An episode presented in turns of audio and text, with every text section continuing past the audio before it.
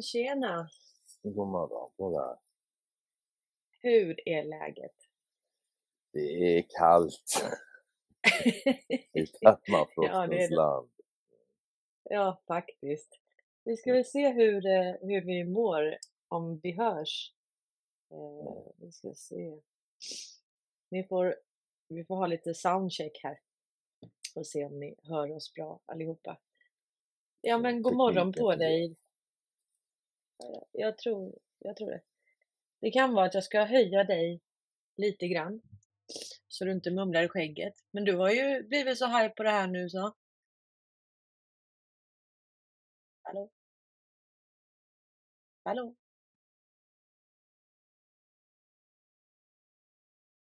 Nu har jag inte det alls.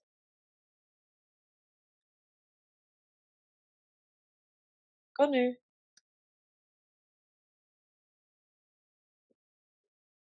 Okej. Vad har vi här då? Vi har... Hallå? Hallå, hallå? Rupert. Hallå, hallå? Nu! Nu hör du va? Ja, nu, Hör inte du mig? nu hör jag dig. Har du, på, har du på Youtube också? Stäng av det i sånt fall. Det blir dubbelljud vet du. Jag har en länk till Youtube. Ja, du har en grej för jag hör att det går att stänga av alla, stänga ner alla andra fönster. Alla andra fönster. Ja, du kan starta upp dem igen. Det går alltså. Är du säker på det? Ja, Okej, jag stänger det. det är något biljud men eh, vi får, vi får ta det som det är. Mm. Eh, god lunch på dig idag. Eller god morgon som du alltid säger. Ja, god morgon. Det är morgon den här tiden. Mm. Hör ni biljudet? Nej. Eh, jag frågar publiken eller alla de som... Hörrni, eh, hörru, vad ska vi börja nu Conny? Det var ju ett tag sedan vi körde en live. Eh, Jag vet Mm. inte riktigt när det var, men det var ju flera månader sedan. Ja, det är Lätt. Mm. Och jag, nej, jag, jag, vet inte vad du jag vet inte vad du vill prata om. Det är ditt live. Ja, men vi pratar om det som händer. Mm. Hur vi tänker kring allting som händer. Ja, så lite som möjligt för min del faktiskt. Du vill inte tänka. Eller du försöker sluta tänka. Nej. Men däremot vill jag gärna tänka så effektivt som möjligt så jag slipper göra det så mycket. Ja, Men det, det ligger ju inget självändamål i att bara springa runt och tänka.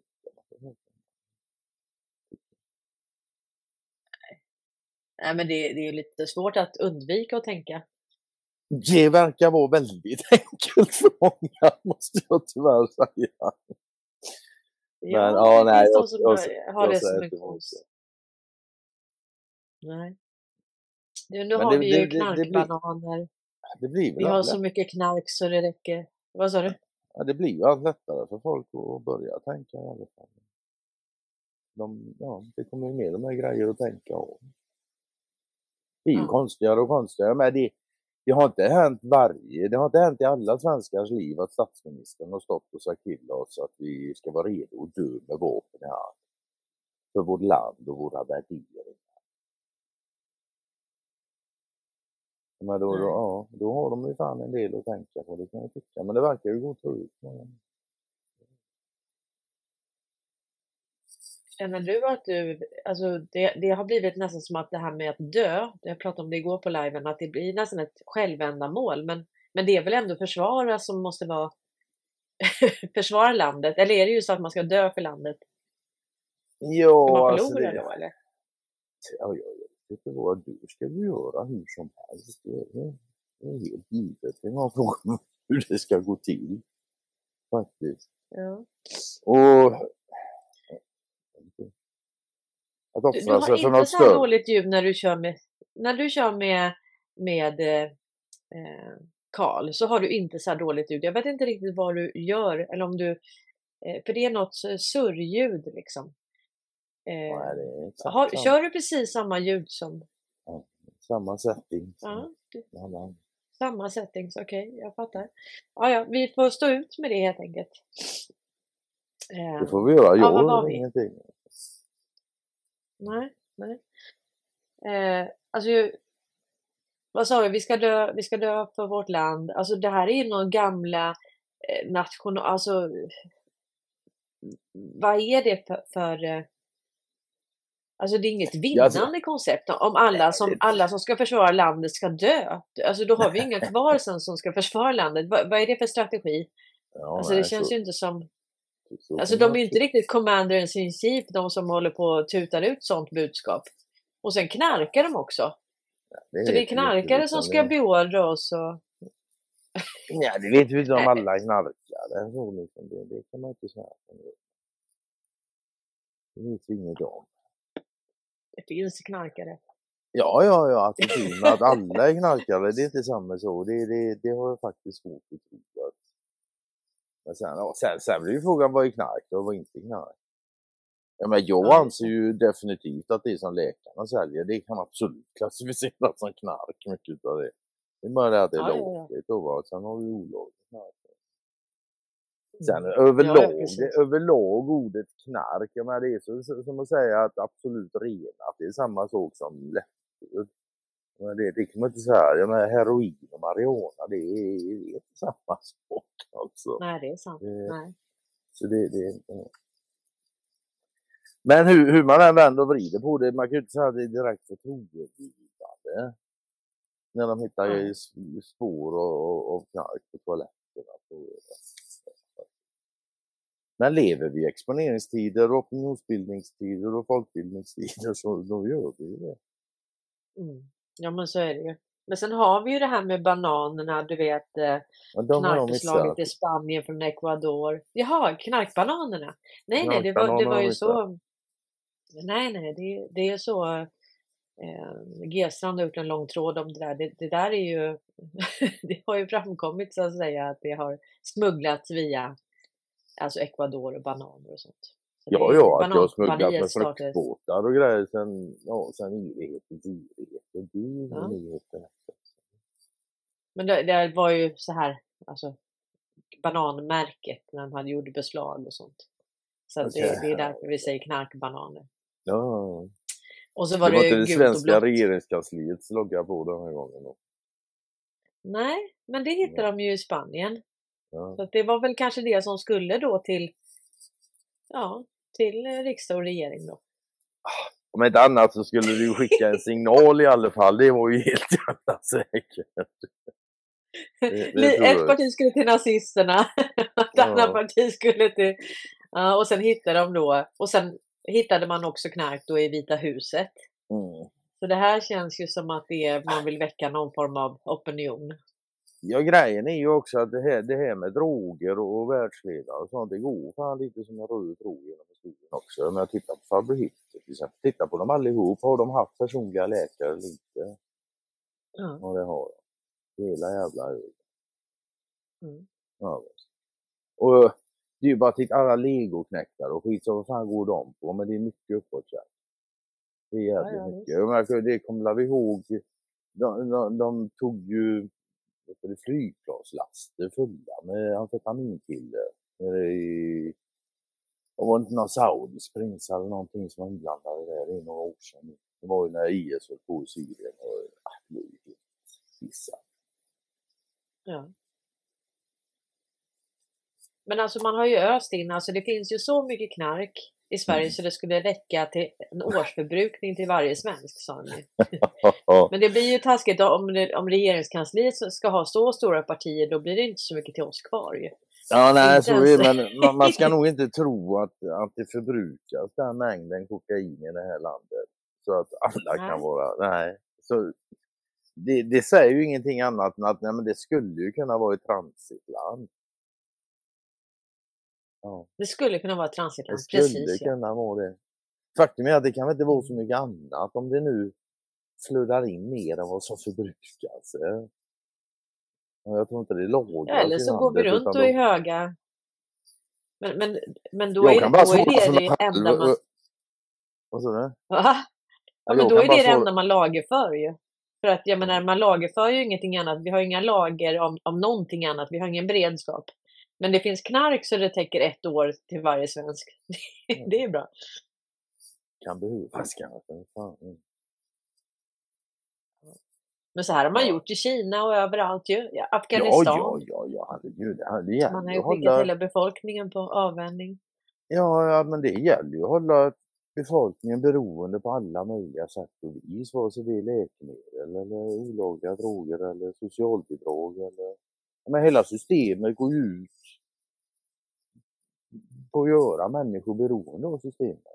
Ju mer beroende man känner sig av, av systemet desto mindre är ju risken att man ställer sig upp och försöker rasera det. Det är ju ganska självgenererande på det sättet. Och om de skulle tro att de kan göra det så kan man inte slå på, på pengarna för det är ju Ja, ja. det, ju- det kontrolleras ju av privat. Som då kan man ju bli av med sitt bankkonto. Det är många som har blivit ju. Mm. Visst är det så. Får du inte tillgång till pengar. Det kan Nej. också bli lite, då är du inte Ja, så då är- kaxig efter det. Nej, ett system som är uppbyggt så att det roterar runt pengar, det är ju helt givetvis inte sådär svinskoj att springa runt och ta ihop några pengar. Det, det blir ju krångligare. Ja. Och jag vet inte, jag har ju sagt det förut, att det, det, det är så jävla sinnessjukt att, att folk dör på grund av brist på pengar, när pengar är en fantasi som gör verkligen. Det, ja, det är så bisarrt. Liksom. Jag vet inte vad man ska ta vägen. Nej, vi har ju bestämt gemensamt att det är, att det är värt någonting, att, att det är det vi ska använda. Eh, Vi har ju förtroende för det, uppenbarligen. Mm. Mm. Och inget, inget fel i pengar i sig, men vi, om vi nu inte bara kan, de, kan lära oss att dela med oss sådär, så är ju pengar om vi, om vi nu vill ha någonting i utbyte för varor och tjänster, så är pengar genialiskt, absolut. Det är en jävla smak i det. Men, men, inte om den används för enskild vinstmaximering. Då, då blir det ju tokigt. Ja. Men Det alltså, verkar ojämnt ljud. Okej, ja, jag vet inte vad. Ja. Jag sänker mitt ljud i alla fall. Ja du, Paolo, han eh, ringde mig och så pratade han om eh, en, eh, en liknelse med pengar. Mm. Mm, och det där var väldigt intressant. Då, liknelsen byggde på typ så här att eh, det här var en ö och sen eh, så eh, hade de, de hittade en miljon valnötter. Mm. Och sen bestämde de då att valnötter skulle vara det man byter för varor och tjänster på ön. Och det fick, det fick inte finnas mer än eh, en miljon, utan det fanns en miljon och det, och det var det som man bytte då för varor och tjänster. Så bestämde man då till exempel att okej, jag får en limpa bröd eh, mot tre valnötter till exempel. Ehm, och sen så kom det, ja, nu får han hjälpa mig hur han tänkte här. Men det var ganska intressant. Det fanns ju ett bestämt antal och då blir det ju problem om vi säger att en kommer på att fläta korgar och den här korgarna vill alla ha. Så han börjar samla på sig valnötter från alla andra liksom. För att han säljer och säljer och säljer och säljer. Och sen så ska han spara till en Ferrari. Så han lägger liksom, utav de här en miljon valnötterna så lägger han 400 000 i källan. Det, det är hans liksom. Och då börjar det bli liksom lite brist där ute ju. Mm. Då börjar det bli så här, nej men jag kan inte, eh, jag kan inte baka en limpa till dig förrän jag har fått pengar av, av mjölnan. Liksom. Eh, och så vidare. Och eh, sen var det några som, som kom på det här att då åkte de dit till den här ön och så sa de så här, men ni kan få Emelie och hasselnötter av oss här. Ni får låna det av oss. Eh, och, eh, och då så bestämde de att valnötter var ingenting värt utan nu skulle vi ha hasselnötter och det fick de då låna. Och sen skulle de, så de fick låna en miljon hasselnötter och det fördelades lika på hela befolkningen. Men sen när de skulle ha tillbaka de här eh, hasselnötterna så ville de ju ha tillbaka fler hasselnötter än vad som hade lånats ut. Mm. Eh, och då ble, blev ju, alltså där blir det ju tydligt att det, det går ju inte för hur ska vi kunna skapa det om det, om det är bara de som har tillgången med hasselnötter. Och Mm. om vi säger att vi skulle lämna tillbaka allting vi är skyldiga, ja då finns det inga hasselnötter att handla av. Och, och det är liksom där vi är, att, att nu är det så här att vi, de här hasselnötterna, den räntan som har byggts upp, att de vill ha tillbaka fler hasselnötter, den har bara växt och växt och växt. Och nu finns det inte ens så mycket hasselnötter för att be- betala tillbaka de här en miljon hasselnötterna. Eh, och nu så börjar var och en utav oss få likviditetsbrist. Skulle vi då betala tillbaka alla hasselnötter så kvarstår ju räntan, för den har vi ju inte kunnat betala. Och sen ett annat resultat av det är att ingen utav oss har någonting att köpa varor och tjänster av. För nu har vi ju lämnat tillbaka alla hasselnötter. Mhm. Eh, så det här var liksom, och där, ser man alltså hur, hur dumt, för det här låter ju helt galet när jag berättar det, Inte- men om man då förstår att det är precis så här vårt finansiella system fungerar.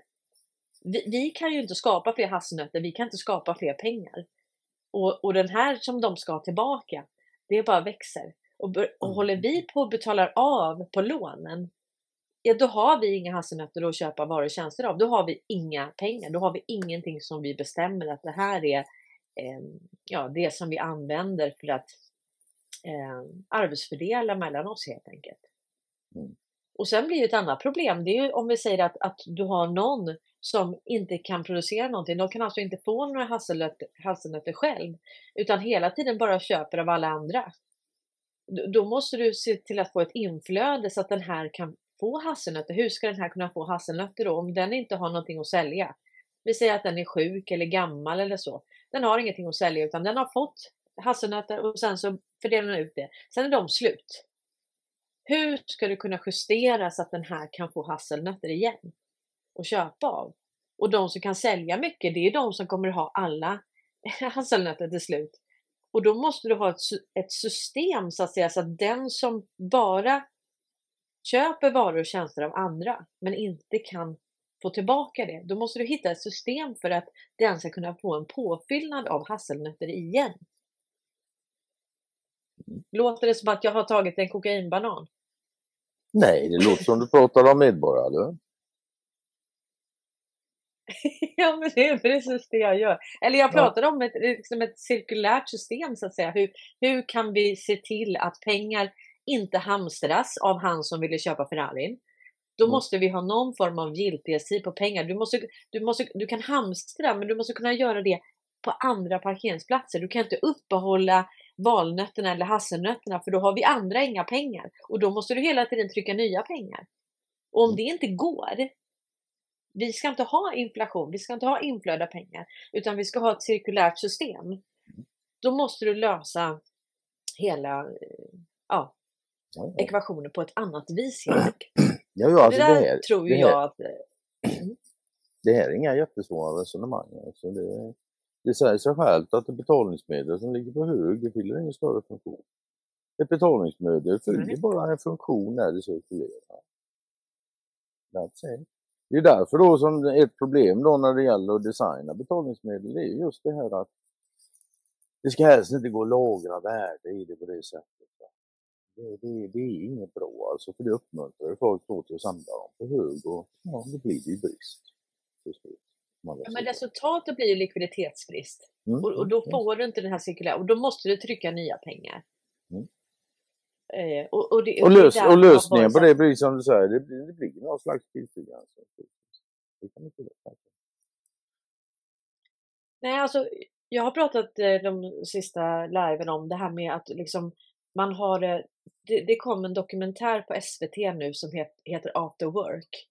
Eh, och den handlar om medborgarlön och den handlar om de här problemen. Och, och då är det så att då var det ett exempel från Korea. Där jobbade man kanske, man, man gick hem och sov 4-5 timmar. Resten förväntar man sig att, att folk var på jobbet helt enkelt. Så där jobbar man häcken av sig, kanske 14-15 timmar per dygn. Och sen hade du då de här oljeproducerande länderna. Eh, de, eh, de låtsasjobbade så att eh, antingen så behövde de inte jobba alls och fick ändå, alltså de hade ändå pengar. Och sen eller så kunde de ta, få ett jobb och så fick de sitta typ i en källare där det var ett skrivbord. Eh, ingen dator, inga arbetsbyft, ingenting. Man kunde komma tre timmar för sent. Och sen då i slutet fick man en fet lön. Och, och då är frågan, hur länge kan vi låtsas jobba? alltså det här hur man har försökt dölja sysselsättningsgraden hela tiden med olika ja men du vet man ska studera och man ska göra massa andra saker, man är sjukskriven, man är förälder. De, de har hittat massa sätt för att dölja att det finns inte jobb till alla på det sätt som man har byggt upp samhället. Utan det här är, hur länge kan man ta på jobb? Det går inte längre. För nu har du varsel på varsel på varsel överallt. Det är banker, det är IT-sektorn, eh, det är alla sektorer som säger upp folk. Var ska alla de jobba? Det är ingen som vill anställa folk, för det, det finns inte jobb. Så på det sätt som vi har byggt upp samhället, det, man kan inte dölja det längre att det här är låtsasjobb. Vi låtsasjobbar. Ja, men folk sitter och mejlar varandra, alltså det, kallar vi det jobb då? Nej, en sak som man, ja det, det kan vara värt att fundera på kan jag tycka. Det, vad, vad är syftet med teknisk utveckling egentligen? Mm. Ja, men ett syfte borde väl vara, kan jag tycka, att eh, friställa så mycket tid som möjligt för individerna.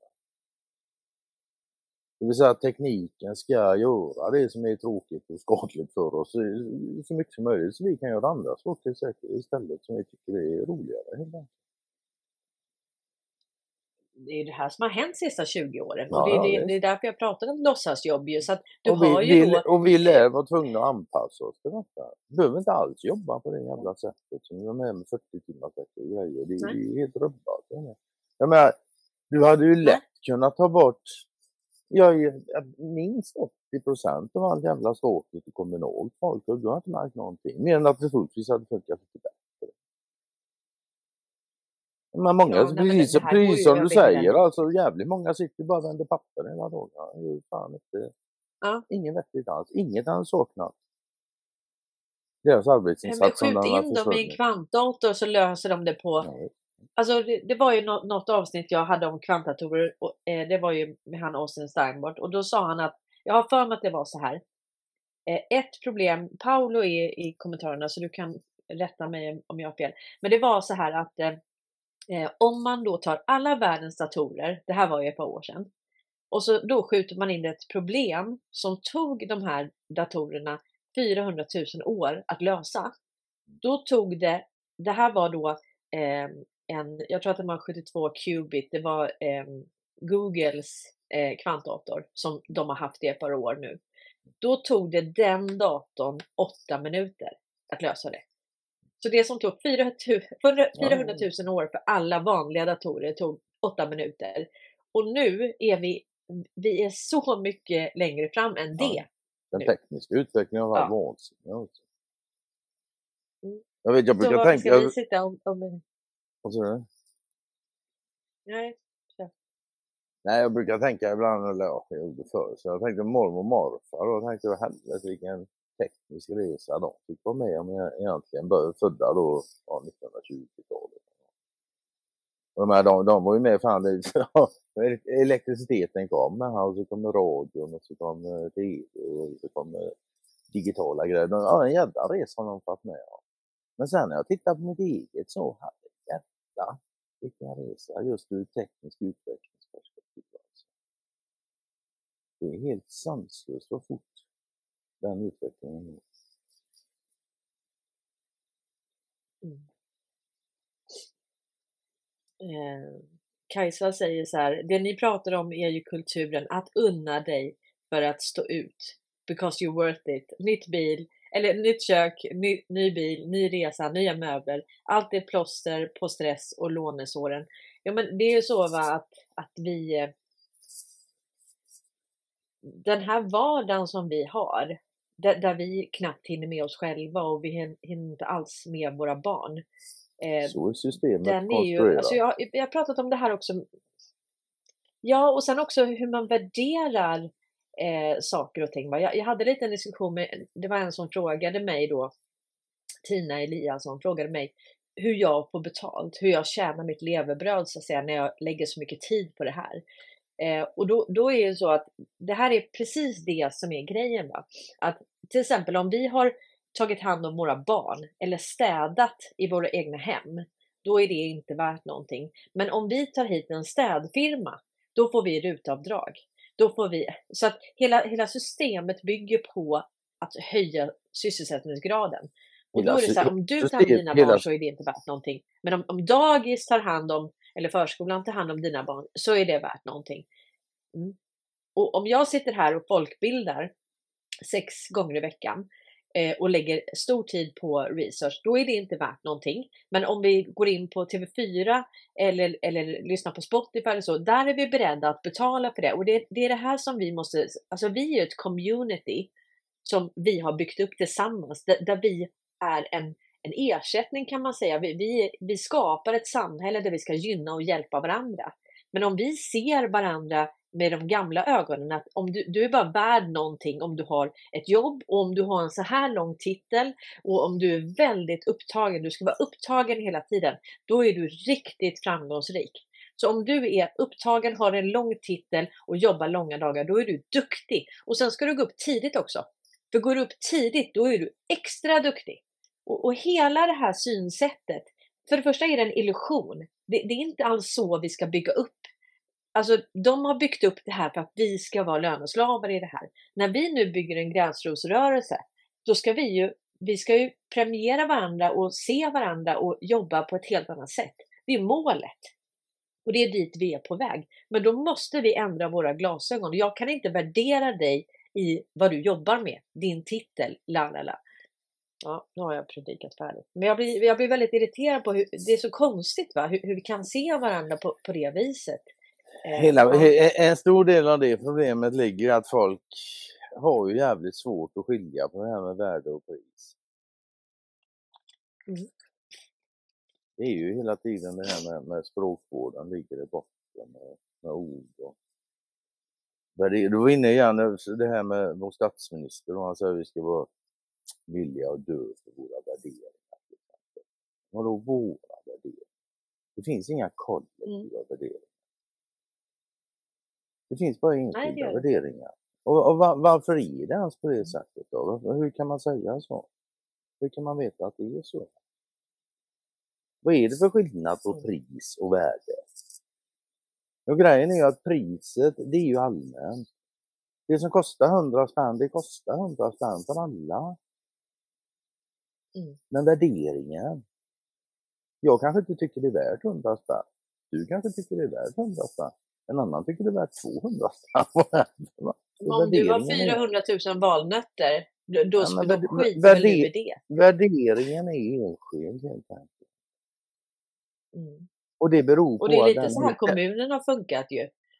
Ja, förlåt, men det är lite så som kommunen har funkat, att det inte är ens deras pengar. Och då kan de hålla på och slöa eller en gräver och tre tittar på och så. Det finns liksom ingen respekt för pengar för att för det bara ja, men det, det, alltså det, gäller, ja, men det gäller ju hela jävla systemet, det är klart så. Ingen har några ja. som helst problem med att roffa åt sig så länge det allmänna betalar. Det är ju uppfattat på det sättet. Institutionaliserad korruption kallas det. Eller sno en falukorv. Ja, visst var det. Det är ju, den men, fra, men framförallt det då när det, all, framförallt när det allmänna betalar. Va? Ja, men hela det här jävla samhället bygger ju på att någon känner någon som känner någon som kan hjälpa någon med det. Liksom. Som kan hjälpa någon med det.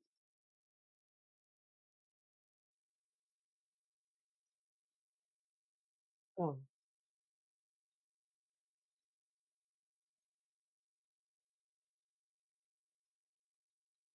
Uppe de skriver att när alla dessa människor blir uppsagda så ökar trycket på systemets utbetalningsfunktioner, vilket skapar överbelastning. För att täcka upp för dessa ökade utgifter skapas lån och nedskärningar. Ja, alltså.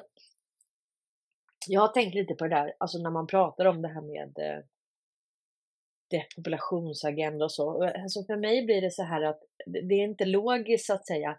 Alltså de som belastar samhället, det kan jag köpa, att de vill man bli av med. Men man skulle absolut inte vilja bli av med, med, den stora massan som drar in pengar till systemet. De som är villiga att jobba för det här systemet. För att eh, man försöker ju hela tiden liksom för att täcka upp man, man, man, man, behöver, man, behöver så, så folk, måste... man behöver inte folk hålla igång det ekonomiska systemet. Man behöver folk som arbetskraft. Ja, precis. Ja, och, när den tekniska ut, och när, jo, när den tekniska utvecklingen är som den är så behöver du färre människor som arbetskraft. Då blir det ett problem. Nej, egentligen inte för att det, det är fortfarande de som håller igång i det. De som bara Ja, utnyttjar, alltså, utnyttjar Ja, men alltså de som bara bekostar Ja, men man har, man, varför har man annars eh, täckt upp med, med låtsasjobb? Det är klart att du har velat hålla igång det så de har, du har gett ett sken. Velat och Att velat även och varit fast- tvungna. De har inget att välja på. De är också bundna av systemet på sitt sätt. Det är bara det att de sitter i förarsätet men de, de är ändå bundna av det. Det handlar ju ändå om förtroende till sist och syvende. Ja. Men, som Men sagt, de men- behöver ju arbetskraften, de behöver ju Ja, låntagare. de behöver arbetskraft, men ju mindre arbetskraft de behöver, desto, mindre, desto färre människor behövs de. Men och de måste ha en tillväxt om- på lån. Och hur ska du, hur ska du Nej, skapa men de- lån då? Vad, vad ska du låna ut till? Du kan ju inte låna ut till hamstrar. Nej, men de har väl Eller ekorrar. Eko, ekorrar. De kan det krascha systemet och de här planen var väl som alltid gjort. Kontrollera kraschen det nya. Det är inte ens för att det är lånet. Ja, ja, ja. System det nya som kommer. Det, det, beror ju på syntesen av det de hade tänkt. Mm. Så det, Men eh, det, det är i alla fall inte logiskt att eh, ta bort alla de som bidrar till tillväxten. det finns ingen logik alls Om vi det att vi här vill hålla... det, det finns ingen logik alls i det här systemet utöver en vansinnig logik. Det är liksom, jag menar vad fan egennyttan är vansinnig i grund och botten. Så när den sitter i Mm. förarsätet, ja men då är det vansinnig logik som styr alltså. Och hur mycket jag än gillar logik, jag är väldigt förtjust i logik, så ska man jävligt få klart för sig att logik är inte allt. Det är inte. Nej, egennytta och logik är ju inte precis... Eh, Egennyttig logik är inte samma som allmännyttig logik, det är det absolut inte, men logik är logik. Men, men om, om vi är tillbaka då. Vi, vi tänker att vi vill ha ett samhälle där vi kan eh, som, en, som ett samhälle, vi, vi vill ha ett samhälle tillsammans då. Eh, och då, då vill vi kunna byta varor och tjänster. Så, så vi, har, vi säger att vi har eh, mikroodlingar, vi, vi kan köpa varandra. Jag kan köpa mjölk av dig och så kan du köpa eh, kött av mig eller bröd av mig och så. Då har vi ändå tänkt, eh, jag har ju tänkt att om jag vill ha ett samhälle så förstår jag att då måste du, om du inte får sälja ditt bröd, då kommer du gå i konkurs. Och, och det, det är det här lite vi har tappat, att vi, vi har tappat att om, om jag gynnar dig så gynnar det alla. Men, men Mm. i det här egennyttiga samhället så vi har tappat den kopplingen. Vi har tappat att, ja men okej, eh, hjälper du inte de lokala så har du inga butiker. Mm. Och visst, det här ligger någonstans, men, men hur mycket i praktiken jobbar vi så? Alltså jag vet att många av oss i den här, Problem, har ju börjat tänka så. Ja. Ja, problemet är att du kan tänka så till du blir blå i ansiktet. Med den här monetärmekaniken så blir det oundvikligen större och större aktörer, mer och mer centraliserade. Det är ju det som är problemet. Mm. Men det, det, det, det har jag också sagt liksom i, ganska många år. Du kan ju sätta Jesus som chef för det här systemet. Det spelar ingen Mm. roll. Så länge du inte ändrar mekaniken så kommer allt färre att bli allt rikare för att allt fler blir allt För det är så det är utformat, själva systemet. Ja, och man ska också ha en sak jävligt klart för sig. Alltså det monetära systemet är en manifestation av vårt allmänna medvetande. Som ett kollektiv. Alltså. That's Mm. it, bara. Och då får man väl se vad fan är min egen del i det här. Ja, en bidragande del är väl att du inte kan någonting om det och därför inte förstår något. Och kan du inget om det och förstår inget om det så kan du inte göra något åt det. Du kan inte ens tänka på det för du kan inte. Nej, men det är ju därför de har fördummat befolkningen och öst in eh, bröd och skådespel, droger, missbruk av olika slag. Mm. Ja, inte, jag vill inte bara det då, utan det är ju fan, via vatten och livsmedel och allting. Det är ju full frontal attack. Alltså. Ja, ja, ja. Jag menar, de har arsenik i bebispuder. Ja, då, är- det när det finns dokumentärer som visar att hur DuPont släpper ut den här jävla eh, PFOS-grejerna, den här teflonpannor Ja, och sånt. PFAS, full, full, vet, full vetskap om att det där är ju fan inte nyttigt någonstans. Det är förbannat det kommer ut. Och jag menar, det är, det är ju sånt man funderar, det kan man fundera på ibland. Och sen, fan, alla sådana här saker, de drabbas ju själva av det när de förpestar vatten och, och luft och grejer sådär. Men, ja, de verkar ju skita i det. Det, det är så himla konstigt med det här Ja, med... det, det, är helt, det är helt absurt. Jag tänkte på-. Men eh, liksom, det blir ju en, en, eh, en eh, slaggprodukt eller en biprodukt. Så att jag menar, vad, vad ska du, vad ska du liksom göra av den? De har ju så mycket sånt som de... Alltså, du såg den här dokumentären som handlar om det här va? med, eh, vad heter den, Blackwater eller vad den handlar om. Mm, mm. Och, och, och där ser man också att, att ja, det var, nej det var ingen dokumentär, det var en film. Blackwater tror jag den hette, eller Darkwater. Har du sett den? Dark Waters då. Ja, den som handlar om DuPont där. Och, Ja, precis. ja, nej, mm, Ja, och, och, och där ser man också hur, eh, den här som skulle hjälpa han bonden. ja, Nej. det, det, det, hack, det Han- hackade ljudet. Han höll på att gå i konkurs och fick inga pengar. Det, Ja, man värderar liksom inte hans arbete. Så, så ska du göra gott i det här systemet, då har du aldrig Eh, blivit jo. premierad. Då, då, De, de, de värderade definitivt hans arbete och de värderade sig jävligt dåligt. Ja, och då, då försöker man Mm. sätta de pengarna i eller de människorna i konkurs och Ja, man karaktärsmördar dem. Och man försöker få dem att tro att det är de som är tokiga. Mm. Och då kan jag inte låta bli att tänka på Karl. Hur många gånger har de inte försökt karaktärsmörda honom och hur mycket har det gynnat sig mot om han skulle ha drivit krog eller vad som helst? Mm. Alltså nu pratar vi ekonomiskt då sista Mm. 10-15 åren.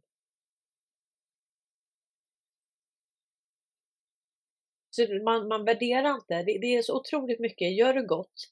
Det är, kolla bara på allt Ja, ideellt men det, är, det, men det, det, det blir ju det här, gör du gott och gör du ont. Denna, vem avgör vad som är gott och vad som är ont och på vilken grund? Jag menar, det är det som du upplever som gott kan mycket väl om andra upplever som väldigt ont. Och ingen Ja, av er har du måste ju fatta vad jag menar.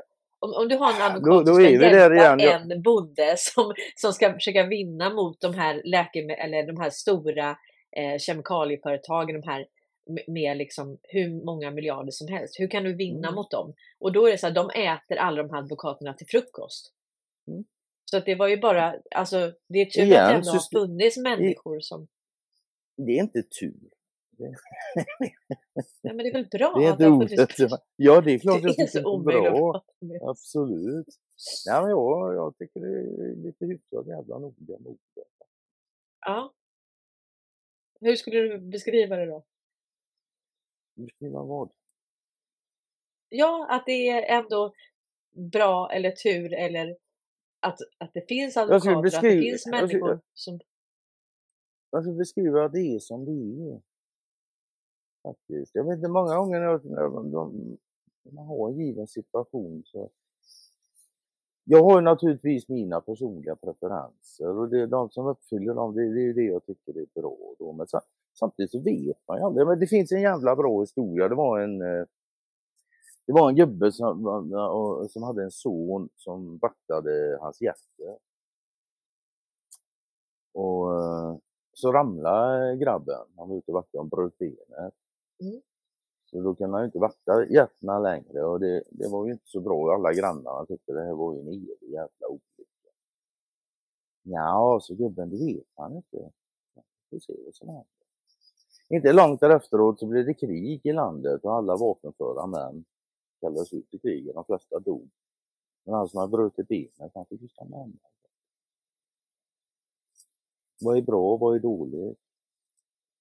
Det vet man många gånger inte förrän i efterhand alltså.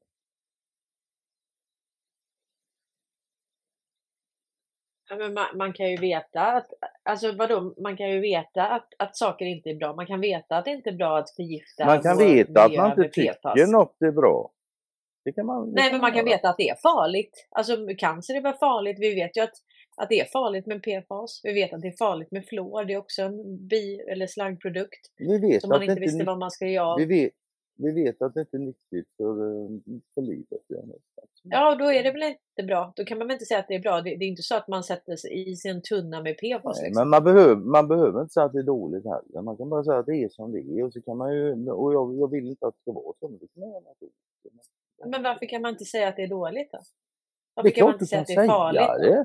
Det, det är väl kan farligt att gå in i precis- ett brinnande hus? Det är väl farligt med eld? Du- alltså det kan man väl kan- säga är farligt? Ja, men det är klart Att det är du kan då- säga det. det, det bara så här. Du kan säga vad som helst. Du kan säga att det är roligt. Det är inte ett brinnande hus också. Ja, men det kan inte vara sant att det är roligt att gå in och, och brinna. Det kan väl vara sant för någon om sanning är den individuella förståelsen av verkligheten. Det kan finnas det någon som tycker det- det är roligt kanske. Det vet Mm. inte jag. Jag tycker inte det är roligt att gå in i ett brinnande hus. Det kan jag säga med en gång. Det kanske peng, det pengaströmmarna har inte gått till dem som inte gynnar det vinstmaximerande systemet. Så enkelt är det. Och det har man inte heller värderat. inte. Nej. Det inte Och om man då vill ha löneslavar och, och sysselsättningsgrad så är det mer värt att någon annan tar hand om dina barn än att du tar hand om dina barn. Det är mer Det, är värt. det, det handlar om funktionellt. Ja, Gör det. ja, det gör det. Inte, inte, inte liksom mer värt. Det handlar om hur väl det fungerar i förhållande till vad det är som sägs man vill uppnå. Mm. Men det de har velat uppnå är inte det som vi vill uppnå. Vi vill ha Nej. ett samhälle. Eller ja, det kan man inte ha- heller... Det kan man inte, jag säger inte emot det så på det sättet, men samtidigt så är det ju, det är inte, det är inte försvinnande få människor som går runt här och tittar på sin och leds av sin egen vinstmaximering. Och den behöver inte vara monetär eller så, utan det kan vara andra saker också. Det är väldigt många människor som går runt och gör detta. Sen är deras, jag menar Wallenbergs ambitioner, det man kan säga deras vinstdriv, vinstmaximeringsdrivkraft är kanske lite större. Men alla, alla har det. Men det, det, det blir ju Ja, vi- samma om vi- som...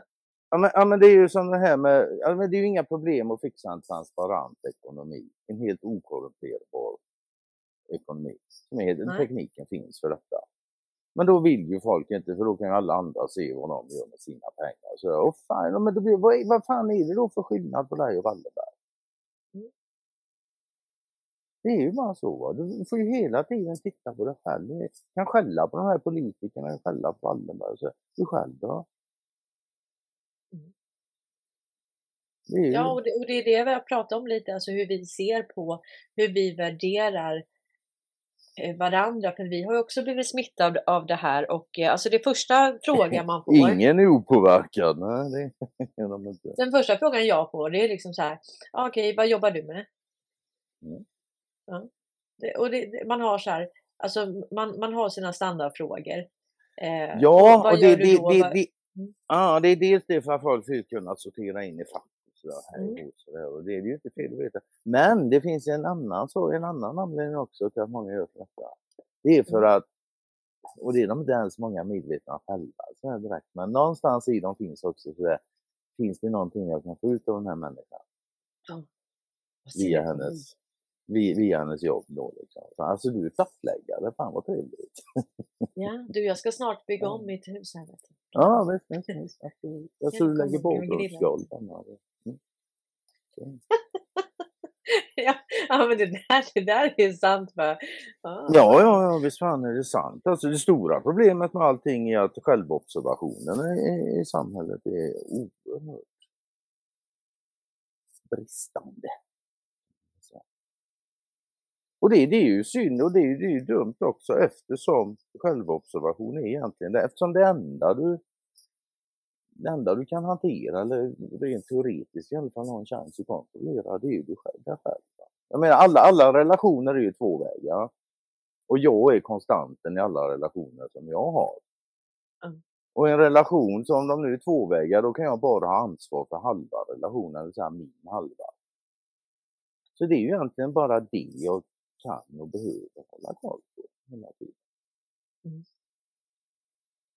Vilket inte är Jag så jävla lätt. Det är systemet när du springer som en jävla ekorre liksom. Du fan, sitter där med miljoner på kåken och, och bil och, och tre kottar och, och de ska till skolan och det är träningar och det är...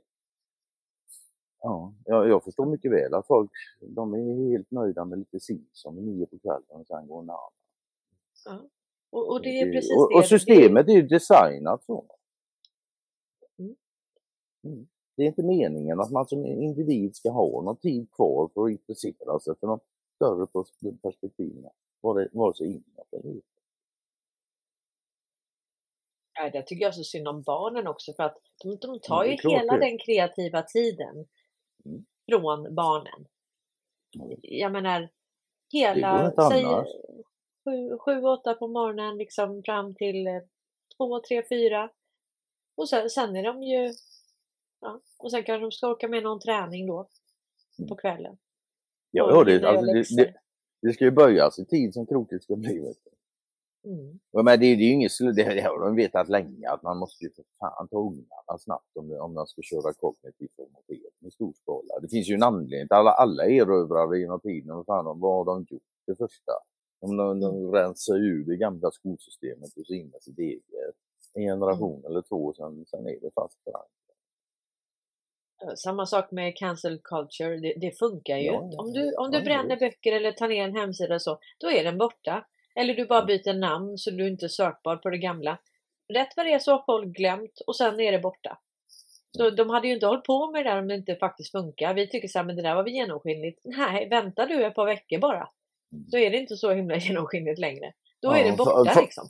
Ja, det kallas ju ja, guldfiskminne, kan, det kan man förstå. Men man måste också förstå liksom att det är så satans mycket mer information som en individ blir utsatt för nu för tiden än vad det var för bara 50 år sedan, 100 år sedan, ska prata 200 år sedan. Mm.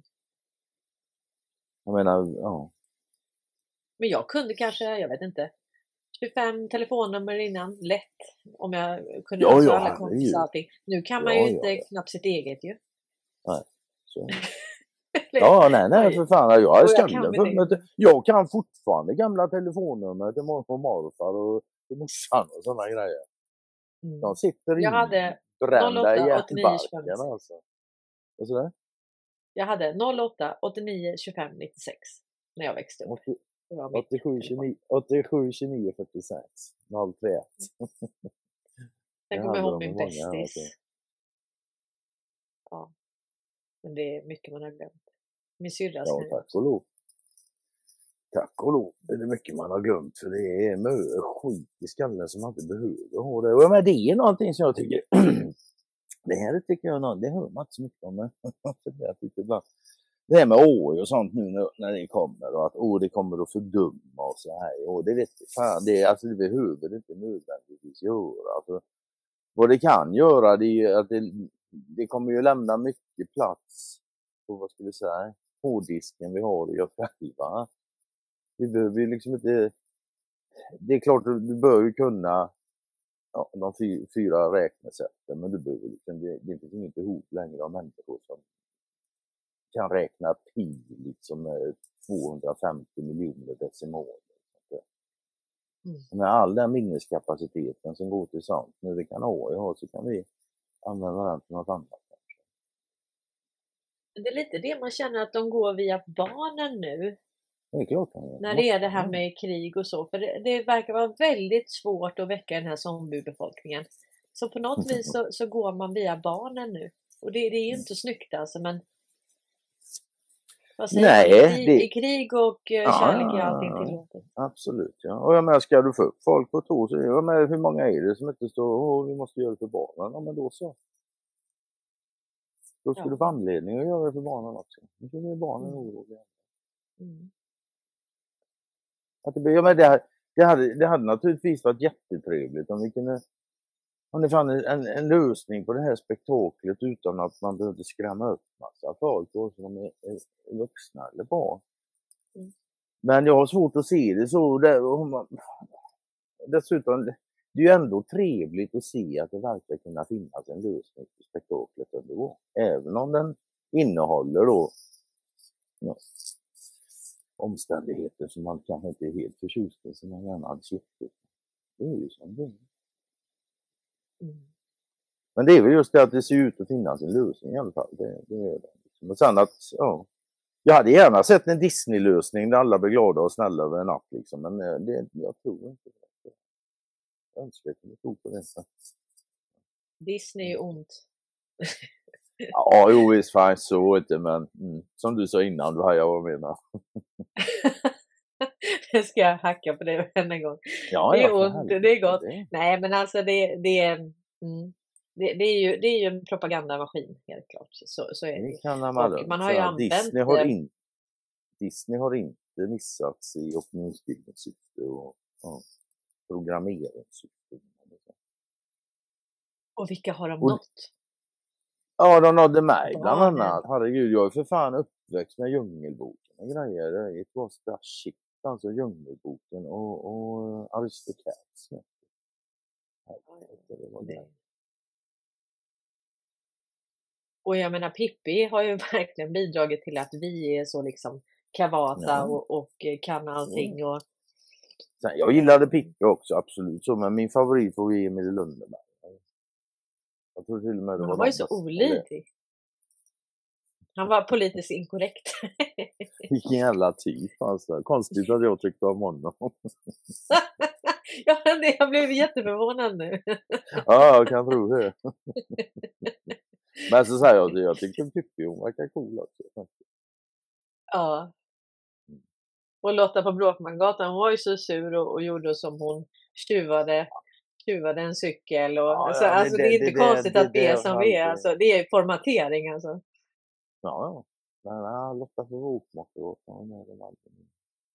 hon är lite försiktig. Det var spännande när hon gick in där i skjulet hos tant, vad hette tanten där bredvid? Och så snodde hennes stora cykel. Ja, det var inte, de, de, var, de var nog för sätt. Det var ju den åldern när det var, det var lite noga med tjejer. Men Pippi gick bra. Ja, men hon var ju mer som en kille. Ja men Pippi gick bra alltså. Ja, hon, var, hon var en riktig pojktjej där. mm. Och så hade hon ju faktiskt en pappa som var negerkung. Bara det. Det är svincoolt.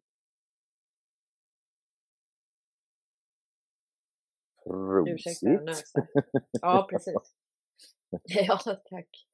Ja, det var många på raken där. Nej. Ja, just det, negerkungen där ja. Hennes Mm. eh, far. Och, eh, ja, han var ju... Och sen ville de ta henne till barnhemmet. Men det ville ju Mm. inte hon. Hon klarade sig själv och Ja, det där påverkar nog med mig, alltså med tanke på att jag är adopterad och så, så det där var nog eh, eh, det där var nog tankar som egentligen fastnade mer än vad jag kanske Ja, ja, det är klart att det på påverkar. Allting har, allting har en upplevt har påverkat en. Det är bara frågan om hur mycket. Och man kan ju säga så att det, alltså det, som har, det är inte det som man upplevde först i livet som har påverkat en minst. Det är helt jävla säkert. Det är också någonting de har vetat om länge. Men det var, det var ju någon, undrar att det var någon jesuitpräst som sa det och det är ju för fan hundratals år sedan. Han sa något i stil med att ge mig en unge upp till sju års ålder och den kommer aldrig vara något annat än katolik. Och så är det alltså. Men de första sju åren är oerhört centrala och avgörande för, för Och det har de vetat med.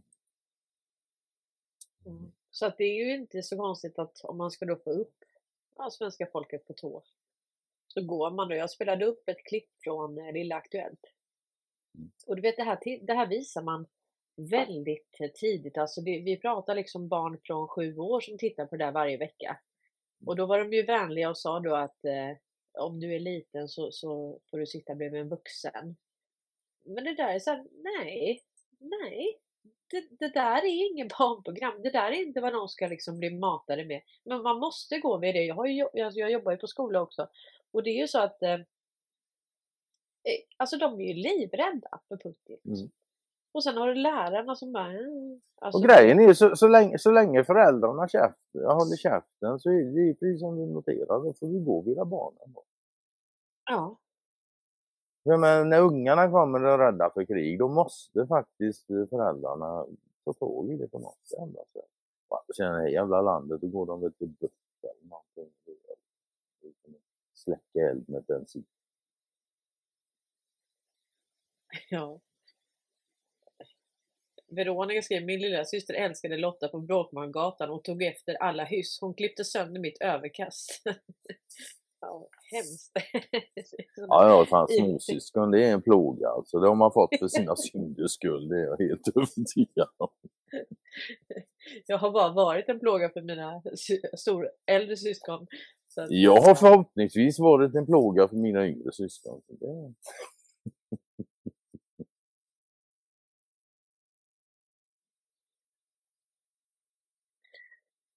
Men ja, jag tänker så här, i den här självbildsrevisionen så mm. eh, alltså vi, vi måste liksom tänka över hur vi värderar saker, för det, för det sitter mm. i ryggmärgen, alltså hur vi, hur vi värderar eh, varandra, eh, titlar, Känsloskapande arbete. värderingsgrunder. Har ja, du hört uttrycket? Nej, aldrig. Det var första gången. Det ja, det var det va? det kan jag göra, men jag vet inte om jag orkar lyssna så länge. Nej, men jag tänker så här också att Alltså jag tycker igen att man ska få vara hemma med sina barn. Jag menar nu är det så här att eh, det här med sjukpenninggrundande inkomst, SGI då, då är det så att då måste du jobba, alltså du vill få så mycket som möjligt liksom ja, innan första barnet, så då går många upp på heltid och sen så jobbar man då och sen så får man barn. Och sen mellan, se att man får kanske två barn på raken eller tre eller vad det är, då måste man gå upp och jobba heltid eller man måste ha en heltidssysselsättning av något slag emellan där, för annars åker man ner i SGI. Och det där är ju helt galet. Jag menar, man kanske vill ta det några år då det man är hemma. igen, liksom, det, jag, alltså jag säger inte emot det, men det, det är bara galet ur ett visst perspektiv. Ett annat perspektiv så är det fullständigt logiskt. Ja, men valfriheten finns ju inte ens nu. Nej, nej, nej. Jo, jo om du inte vill åka ner alltså helt alltså, jag, inte få jag säger inte emot det på något sätt. Jag ser gärna ett samhälle där de som vill vara hemma med sina barn har möjlighet att göra det och, och vara det. Absolut, fan, absolut att de vill ha ett sånt samhälle. Men det jag, tror inte alls det är någon, jag, jag tror inte alls det är någon jävla bra idé faktiskt att, att bägge föräldrarna ska yrkesarbeta och, och spendera otroligt lite tid med sina egna barn. Jag tror inte det är sådär jättebra. Men samtidigt med det sagt och sam, samtidigt med det sagt också så, så är det så här också att den största källan, egentligen den bästa källan oftast för barnen till ja, kunskap och utveckling, så är det, det är ju faktiskt far och morföräldrarna. För det är ofta det är de som har åldern och lärt sig tålamodet och ja, är du med på vart jag siktar liksom? Ja, ja absolut. Och jag menar, vi, vi behöver verkligen lära oss att prata och att man träffar de äldre och oh. pratar med de äldre och så. Men, och jag menar, de har ju tiden och allting. Du tänker lite, ja, precis med hur du tänker. Eh, alltså lite med generationsboenden eh, eller generations... Eh, eh, det måste inte vara boende, man måste inte bo ihop. Men alltså att man kan... Nej, nej, inte så, men att man, att man har tillgång till... När, föräldrarna blir äldre. Mm. Alltså det gäller också när föräldrarna blir äldre. Alltså eh, mer att kanske, men att man sköter det själv och tar hand om det själv. Jag menar, vi har ju bestämt i det här samhället att föräldrapenning, ja du ska få vara hemma första året med dina barn och sen ska du få vara hemma när du är sjuk. Så jag menar, vi hade kunnat bestämma i det här samhället, okej, okay, eh, eh, vi bestämmer att du har möjlighet att vara hemma de första fem åren utan att gå ner i SGI. Till exempel. Alltså det, det, skulle vi kunna bestämma. Så att, men men det är ju, de har ju då förflyttat oss, i och med att de vill hela tiden maxa sysselsättningsgraden, så har, så har de ju så den här utformningen och då har ju våra värderingar, för att motivera det, så har de ju ändrat våra värderingar kring hur vi värderar varandra och arbete och, så vidare. Att det är ingenting värt att vara hemma med sina barn. Då tänker man, ja, hon har varit hemma i tre år med sina barn. Då är det liksom någonting negativt. Men, men man, kan ju man, man, man, kan ju definitivt se liksom genom hur systemet är konstruerat vad som värderas. Ja. Det, är inte svårt, det är inte svårare än så. Sen är det ju upp till oss som individer att acceptera det eller inte. Mm. Ja, precis. Och, så, ja. Och till sist då syvende när du kommer, det här med värderingar och grejer, så ja vad fan, vem vill vara ensam alla grejer? Vad är någonting värt utan någon? Men det, det, är, det är som den här klyschan liksom att när du sitter där på hemmet själv och barnen och allting bara jobbar. Alltså vad är det du ångrar? Ångrar du att du skulle ha jobbat mindre? Du skulle varit mer tid ifrån familjen och barnen och barnbarnen. Det, det, det, det, är få, det är få människor på sin dödsbädd som tycker att de borde ha jobbat lite mer. Det, det, det, det är inte många. Men med det sagt så det finns fan, det finns folk allt. Det finns säkert någon jävla rotröstning i det också. Men eh, visst, så är det. Nej, det, det tror inte jag. Men, men eh, ja, de vill väl få oss att tro det i alla fall. Jag tänkte på den här eh, konspiration. Eh, där var det liksom lite exempel på där man trodde att man gjorde gott. Men sen insåg man att det blev ont. Till exempel, eh, ja men hon berättade då, en journalist då hade, eller, i den här pjäsen då, så hade man då, hon hade då hjälpt till i Eritrea med pennans makt. Och, eh, och sen så hade, insåg hon då att hon hade hjälpt en diktator till makten. Eh, ja, men det, det, det är väl inte det, var... det är inte den minsta tragiken med det här systemet tycker jag. Den utnyttjar människors godtrogenhet och välvilja. Mm. De, är, de blir nyttiga idioter.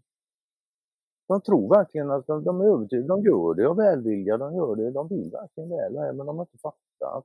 Det som är tillbaka igen, som jag sa innan. Sätt Jesus som, som chef för det här systemet, fixa inte med, du kan vara hur välvillig du vill. Det spelar ingen roll om du inte förstår det verkligen. Eftersom systemet har den mekaniken har. Och eftersom allt är med grund och botten, det är ju bara ett bedrägeri, det, det är inget annat. Det mest centrala som allting snurrar då, ekonomi. Ja, vad fan är resten då? Det kan ju inte vara något annat än. Och det, igen, det, det är det jag tycker är mest sorgligt alltså. Det är som jag sa på myset igår det här med speciellt inom vården då till exempel. Jag menar, många som jobbar inom vården, de gör verkligen det för att de vill det. De vill hjälpa andra människor, de vill vårda, de vill verkligen det. Vilket i sin tur gör att de är villiga att ja, inte vara för jävla propsiga på lönen då. De är villiga att ta lite mindre betalt för fängelse och det de verkligen vill göra. Va? Och jag menar, det, mm. det här har ju förstått sedan länge och det har utnyttjats. Och det, det, är just det som är det. Ja, det är inte det minst tragiska tycker jag, att det, det gör liksom människors, det trampar på människors välvilja. Jag måste bara titta vad Atlas gör. Eh, du får läsa lite kommentar. Han har snott något. Och jag kan inte läsa några kommentarer eftersom jag har stängt ner alla flikar. Jag har bara den här fliken uppe. Det är... Han äter säkert någonting som är dyrt.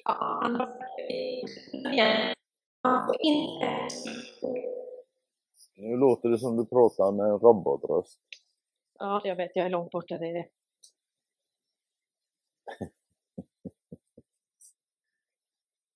Skäll inte för mycket på honom. Hans hjärna är inte större än en citron. Mm. Jag vet inte om jag håller med.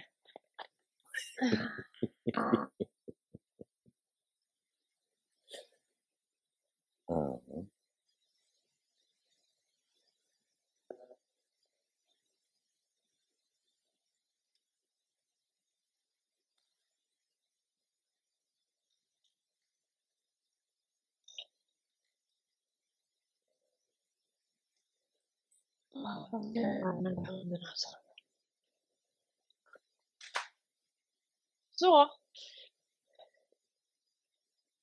Han var inte så många månader än va? Jo, men alltså han, han är åtta månader, men han, nu mm. hade han varit i torktumlaren igen. Ja, så att eh, och så tar han ut det och så kastar han upp det och leker med det så här. Mm. Men han hade inte ätit upp det nu i alla fall. Det är gött han kan roa sig själv. ja. Jag var borta bara två timmar på, på ett möte. Då Två timmar, det är upp en vid- evighet för en sån. Mm. Då hade han Mm. då hoppat upp på bänken i hallen så han har ätit upp en hel halmbock, tagit sönder en stor tomte som jag hade. Eh, och det kanske var något tecken i det. Men alltså, Ja. Nej, och sen hade han dragit ner duken så han höll ju på att ta ner, jag har två lampor också. Alltså du Ja. vet, och det här hann han på två timmar och det värsta var att jag såg det på kamerorna. Men jag var i möte, jag kunde liksom inte göra någonting. Jag var ju flera mil hemifrån liksom. Och bara såg det på kameran hur han bara liksom demolerade hela Tek- hemmet. Teknikens nackdelar, man ser en massa skit man inte kan göra något åt. det är verkligen inte... Jag har, jag har ju sånt eh, smart hem, du vet. Jag tycker det är... Jag har ju...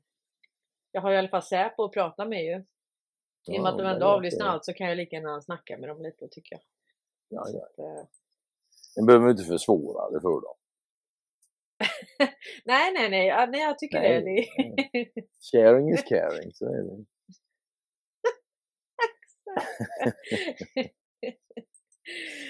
Ja, Mm, mm.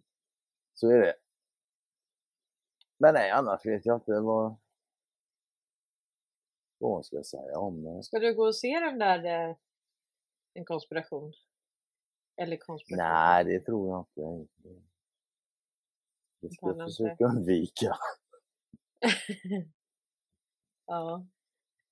Nej, det, det var, alltså för mig så var det väldigt tydligt att det där handlade om folkbildning och eh, det var jag och Mm. Anna Kamli Persson som var och eh, ja men det var, det var ändå, jag hade ju inte så höga ambitioner för det. Eh, och eh, men det är ungefär lika för den som inte ens har tänkt de här tankarna. I början så säger han så här att jag renar mitt vatten.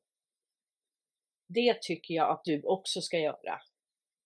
De vill göra dig dum. De vill fördumma dig. Och, och han är inte liksom oseriös. Och sen när det har kommit fram med PFAS nu så tänker jag så här, vilken tur att de ändå gjorde på det viset. Att det var inte förlöjligande, det var inte eh, jag skojar bara, utan det var bara, bara så här, jag renar mitt vatten, det tycker jag att du också ska göra. Alltså det blev sådär, så att, så att det var väldigt mycket som, som tror jag, när folk kommer hem, att de får liksom en annan dimension på saker och ting. För det var, det var så himla mycket intryck. Det var ju rörigt och de sprang på scenen och alltså det var väldigt så att man, man fick landa sen i eh, men det var väldigt mycket tänkvärt och jag tror att för de som kanske eh, ja, för de som inte har tänkt de här banorna alls.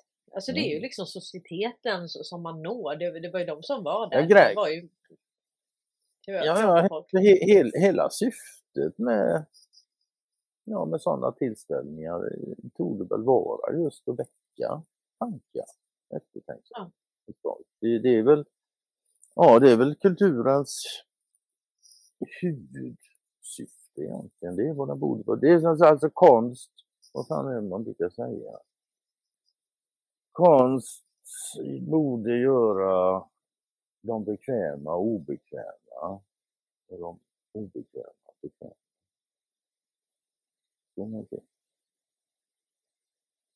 Men det tänkte jag mycket på under pandemin att jag menar i USA och så så hade du ju ändå stand-up komiker som, som kunde skoja om det allvarliga, kunde skoja Mm. om att folk gick runt, satt ensamma i sina bilar med munskydd och sånt.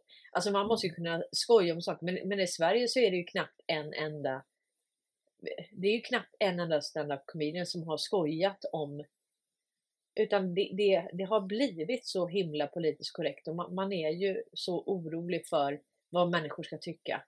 Så att Ja, ja, ja det, det är jag. mycket möjligt. Jag, jag vet inte, jag kollar jag svensk standup. Det det det finns något som är Och jag menar sen George Carlin dog så, ja det finns väl några som kan vara lite småroliga. Ricky Gervais är ju skön. ja, vad hette han som gjorde sådär som en kyckling? Så. Mm. Ja, men det var alltså det, ja, men det är lite stand-up comedian som har gjort roligt, men, men Sverige har ju ja. Ehm, och och det, det är ju faktiskt skrämmande att vi inte ens kan skoja om saker. Så att, ehm, där håller jag med Alexander Bard att det har blivit som ett Alltså Sverige har blivit som ett kuddrum och liksom det ska vara så himla Så- korrekt så- så att det Ja, sen- men, sen, men sen är det också så att det är svårt att skoja om saker som man inte förstår sig på. Så. Ska man skulle kunna skoja ordentligt så är det bra om du förstår dig på det. Skoja med om liksom. Jag vet inte fan om de Ja, jag vet inte vad andra förstår eller inte förstår. Men jag, jag tror inte det här, jag tror inte medvetenheten och förståelsen om det här med telekominfrastruktur och skuldlättnad och Wallenbergs roll, i- jag tror inte den är görhög inom det skrået heller. Jag tror inte de skiljer sig sådär skitmycket från det. Från den allmänna medvetandenivån. är liksom. Men Johan Glans gjorde i alla fall en insats när det gällde vapenindustrin och, och fredspriset. Att nej, nej, vi kan inte lägga fredspriset i Sverige. Ja, just det. Ja, ja, Norge. det var ett och, tag sedan. och- Ja, och en, Jo, en, en raket som heter Bamse. Och, vad är nästa steg? Att göra en eh, trampmina som heter Lille Skutt. Alltså du vet, och där, där. Ja, ja det den, är klockren. Den, den, den, men prö- Ja. det är väl också, jag menar, den har ju ändå några år på nacken och vad hände liksom? Ja. Att mycket folk arvade och så, men det fastnade inte i halsen på dem. De svalde det. Jag menar, den bästa humorn är ju den som George Carlin gör sånt och ja, fattar man någonting så borde även han, vad heter han, Glans se det. Mm. Borde ju även det. Den bästa humorn det är ju den som fastnar i, i när skrattet fastnar i halsen. Det är då det väcks eftertanke. Mm. Men det, det är ju tecken på vad fan det var roligt och sen det, ja, det är roligt fast kanske inte så jävla bra. Det är roligt men inte så bra. Ja, precis. Men hur ser du på det här med medborgarlön? Har du tänkt något, någonting mer på det? Och det? Det pushas ju överallt nu så på något vis så är det väl så att opinionen ska dit så att det är väl viktigt att vi pratar om det också för att det, det handlar ju om som, så att säga, hur, vi, hur vi ser på varandra och, och den här avundsjukan som vi har i det här landet den, Mm. den kan också bli ett problem i det här. Den måste vi också ta tag i. Det kommer Nej, alltså, jag, jag, alltså, jag, jag, jag ser inte hur vi ska kunna gå vidare utan medborgarlön. Det. Om vi nu ska ha betalningsmedel och pengar så är det som sagt jag, jag är inte emot det. Då ser jag att alla har en, en, ja, en basinkomst helt enkelt. Du har så du, du, har så du är garanterad mat och, och. Hur du Mm. kan betala för det. För det liksom. Vill du ha mer så ja, men du har all tid i världen i så fall att gå ut och, och göra någonting som genererar mer pengar. Mm. Men just det att du har den bastryggheten, att du, även om du väljer en månad och fan inte gör någonting så vet du att du kommer att kunna betala dina räkningar. Rent, rena basräkningar då. Ja. Bo, bostad, käk och då menar jag inte gåslever och oxfilé men ingen dålig mat heller. Alltså, näringsrik mat. Och Jag menar ett, ett samhälle som, som är uppbyggt på det sättet, alla har sina basbehov garanterade på det sättet. Ja, Mm. det är svårt att föreställa sig men det, det lär nog bli annorlunda. Jag menar all den jävla stress som kommer av att behöva jaga för sin egen ja, monetära överlevnad. Sen har folk jagat extra mycket då för att de... är det meningsfullt att jobba tre, tre jobb bara för att överleva? Är det meningsfullt? Jag tycker inte det, men om det finns någon som tycker det så gör de ju det och då är det ju det för dem. Det, det kan man inte, men jag tycker inte det. Och jag tror faktiskt inte att de flesta tänker efter, nej. Men En samtidigt så, ensamstående mamma i USA med tre jobb. Jag, jag tror inte man Ja, gör det visst, för att det är så nej. himla meningsfullt. nej, eller jo, det, man gör det just för att det är meningsfullt. Det, är- det är meningsfullt att försörja familjen. Så just där, man, man borde inte behöva göra det på det sättet. Nej. Det, det, det är där det är va. Jag menar det Vi- finns ju människor, jag, alltså jag vet, jag, jag, jag känner en lirare inte långt härifrån, eh, ja bonde kan man säga. Alltså den jäveln han, han, han sover mellan fyra och sex timmar kanske per natt. Mm. Men, men det är inte för att han är tvingad, för han, han, han har så jävla mycket energi så han kan inte vara stilla alltså. Jag menar en sån, du kan ju säga, han har ju lätt tre fulltidsjobb. Men han, han gör ju det för att han, inte för att han måste. Så han måste, ju- det måste ju alla tjäna pengar i det här systemet. Men liksom, han har så jävla mycket energi och så mycket kvar så han, han, är, han måste jobba tre fulltidsjobb kan man säga, fast det är ett och samma. Då. Men, alltså, om vi säger, jag skrev med någon i kommentaren om det för någon dag sedan och, och då är det så att alltså förr fanns det ju avbytare till exempel. Det finns inte längre Mm. har jag hört talas om. Det finns inte längre. Det Eh, och då kunde du åka iväg. Och, och sen, Jo men vänta, säger- jo men det, det finns fan AB. Jag har, Nej. jag tatuerar en tjej som är fortfarande. Okej. Eller hon kanske bara... För, för det. innan fanns det som ett system. Ja, det får Mm, man nej, svara men, på. ja, ja. Men, men det finns inte på det viset riktigt längre, pratar jag Nej, med jag om i alla fall. mig. Eh, och, sen, och sen om vi säger ett samhälle så här att, jag menar, då- då skulle man ju kunna göra så här, vad är det som säger att, att en måste ta hand om det? Det skulle man ju kunna hjälpa till lite. Alltså det måste kunna vara fler som kan jobba på gården. Alltså det, är också hur man värderar arbete och så. Men, men eh, om, om det bara är för ens egen egen nytta och då ser man ju bara den där bonden han bara tjänar så mycket pengar. Och, alltså, du vet, istället för att säga men han förser oss med mat och det är positivt och vi kan hjälpas åt i det här. Ja, så- ja visst, det är liksom- så. Men sen, sen, sen är det också det med alltså det, det är egentligen inget fel att tjäna mycket pengar heller. Jag har inga problem med det. Problemet, eller det blir ju vad gör du med de här pengarna? Det är det som är grejen. Men om du samlar dem på hög och de- så andra lider brist av det, ja, men då är det inte så bra. Men om du, om du tjänar en helvetes massa pengar och sen gör massa gott med det och delar med dig och fixar och donar. Men fan, tjäna mer pengar vet jag. Det- Ja, men vadå, egentligen så ba- bara för att han har mycket så betyder ju inte det att någon annan lider brist egentligen. För att jag menar, det skapas ju bara nya Det system behöver det inte här. betyda det. Ja, Nej precis, absolut utan det skapas ju bara nya. Så att det blir ju att eh, själv är bäste dräng. Alltså det är ju så man har byggt upp hela. Men, men, att, men då är det inte mycket till samhälle och, och så är det ju idag. Vi pratar ju inte mycket med grannar och så. så att vi har ju inte och sen blir det större och större företag som tar över och mer och mer anonymt. Alltså går knappt att få personlig service på någonting liksom. Så Mm. att eh, det, var en som skrev en kommentar här. Eh, eh, Leather None Preach. Medborgarlönen är i praktik redan införd. När a-kassan är slut och du stämplar ut så får du ett stöd från Arbetsförmedlingen. Ekonomiskt stöd i fem år. Ja, men det gäller ju inte företagare. Jag till exempel som, eh, som är företagare och i pandemin då så, så bara gick det, omsättningen gick ner till noll nästan. Ja, då är det så att du får ju inget stöd för inkomstbortfall. Och även om jag har försett andra med jobb så betyder det ingenting för jag kan inte gå och stämpla. Jag har, jag har ingenting. Jag kan inte stämpla så länge jag har företag. Utan då måste jag lägga ner företaget eh, och sen måste jag egentligen jobba heltid ett visst tid för att ha, vara berättigad till a-kassan. Så då måste jag lägga ner mitt företag helt och det kan man inte göra om man till exempel har periodiserat pengar eller vi såg nu det är 46 eh, miljarder som man tror att man inte kan få in då från företagen som har begärt anstånd om att betala in skatt. Så så länge du har den skulden så kan du aldrig lägga ner ditt företag.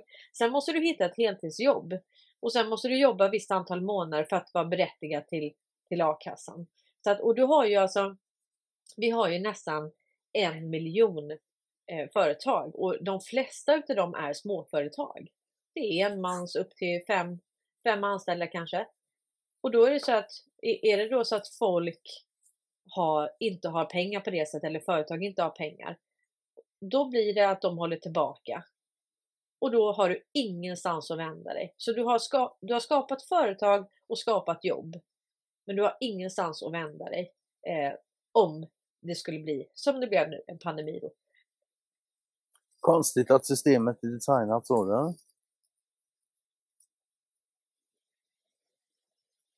Ja, precis. Så att, eh, eh, men men eh, ja, och det, det bygger på att du ska vara i systemet. Du ska vara anställd. Det, det, är Det, som by, det, by, det, by, det bygger på att begränsa det naturliga ledarskapet. Mm. Mm. Då, Det kan man inte ha, då, då kan man inte ha för generösa lagar för enskilt företagande. och sådär. Det, nej, det gäller att fostra chefer och kväsa de naturliga ledarna.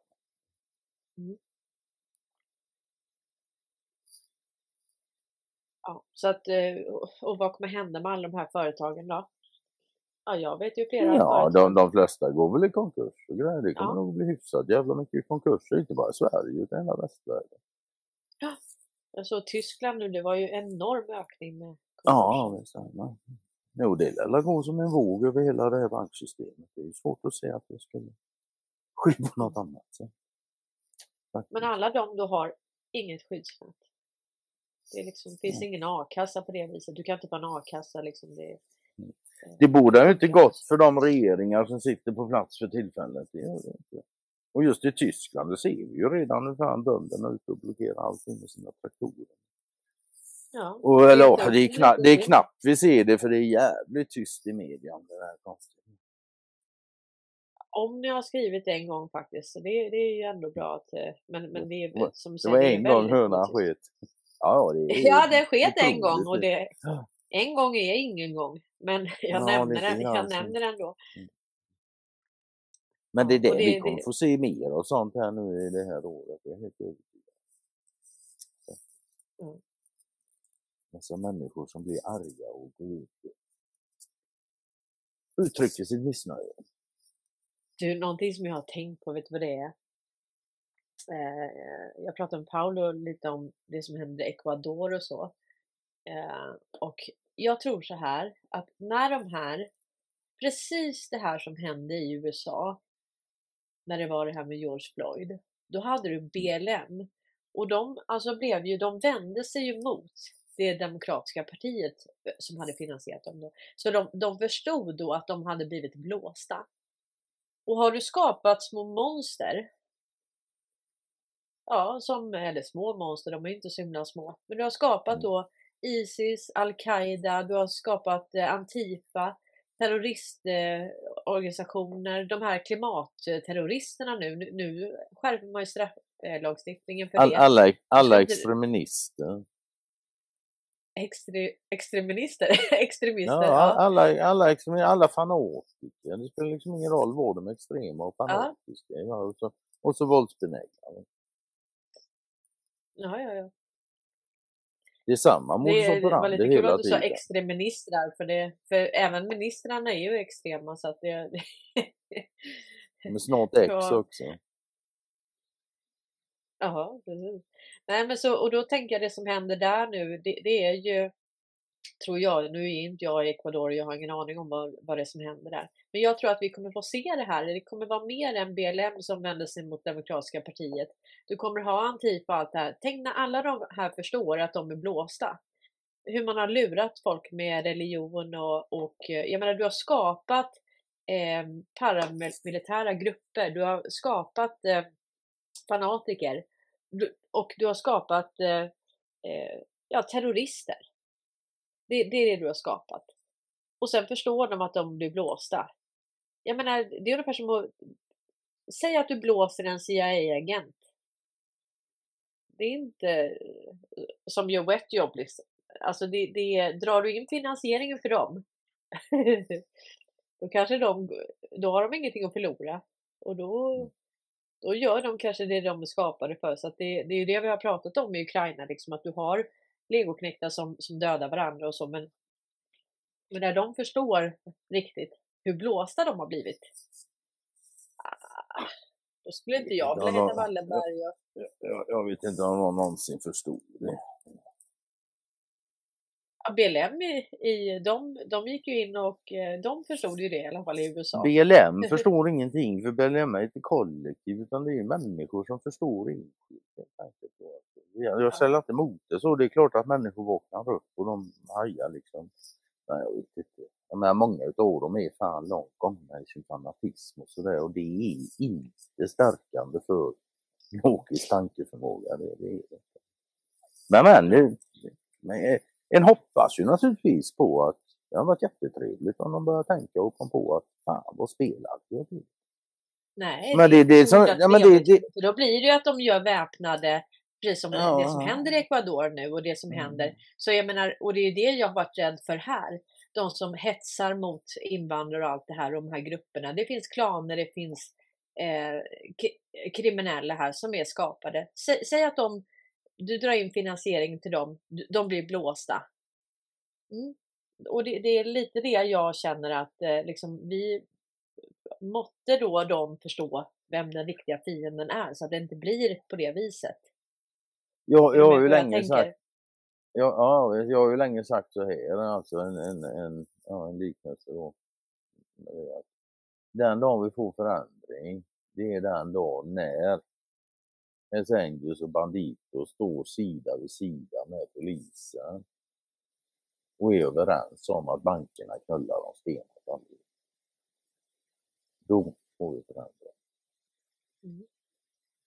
Det- Och det behöver inte betyda, alltså, jag menar vare vare sig H eller Banditos behöver börja älska varandra och ingen av dem behöver börja älska polisen och tvärtom heller. Men de måste vara överens om omständigheter så. De är alla grovt påsattade, lurade, bedragna utav banken. Hoppas det inte är banksystemet. barn som lyssnar på det här programmet. Conny.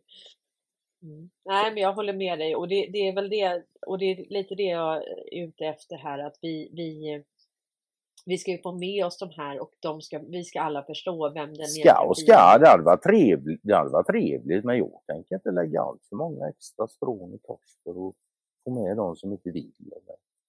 Det är fan inte. Jag menar, med all information, allt jag säger är tillgängligt alla. Vill de, vill de hänga med så varsågod, vill de inte så slipper Men äh, givetvis så ju fler vi får med desto fler som förstår desto bättre för allt och alla. Självklart. Mm.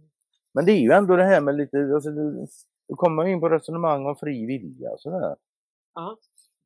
Om vi nu har fri vilja, jag är ås- åsikten att vi har fri vilja då. Inom, ja, inom. Vi har fri vilja i alla fall och, och, och har man det då måste jag ju respektera att andra människor får utöva sin fria vilja. Vare sig de vill samma som jag. Så länge de inte, så länge de inte direkt skadar någon annan.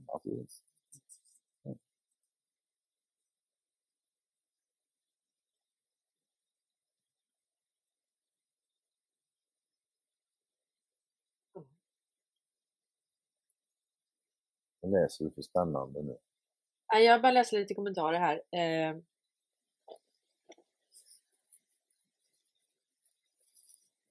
mm.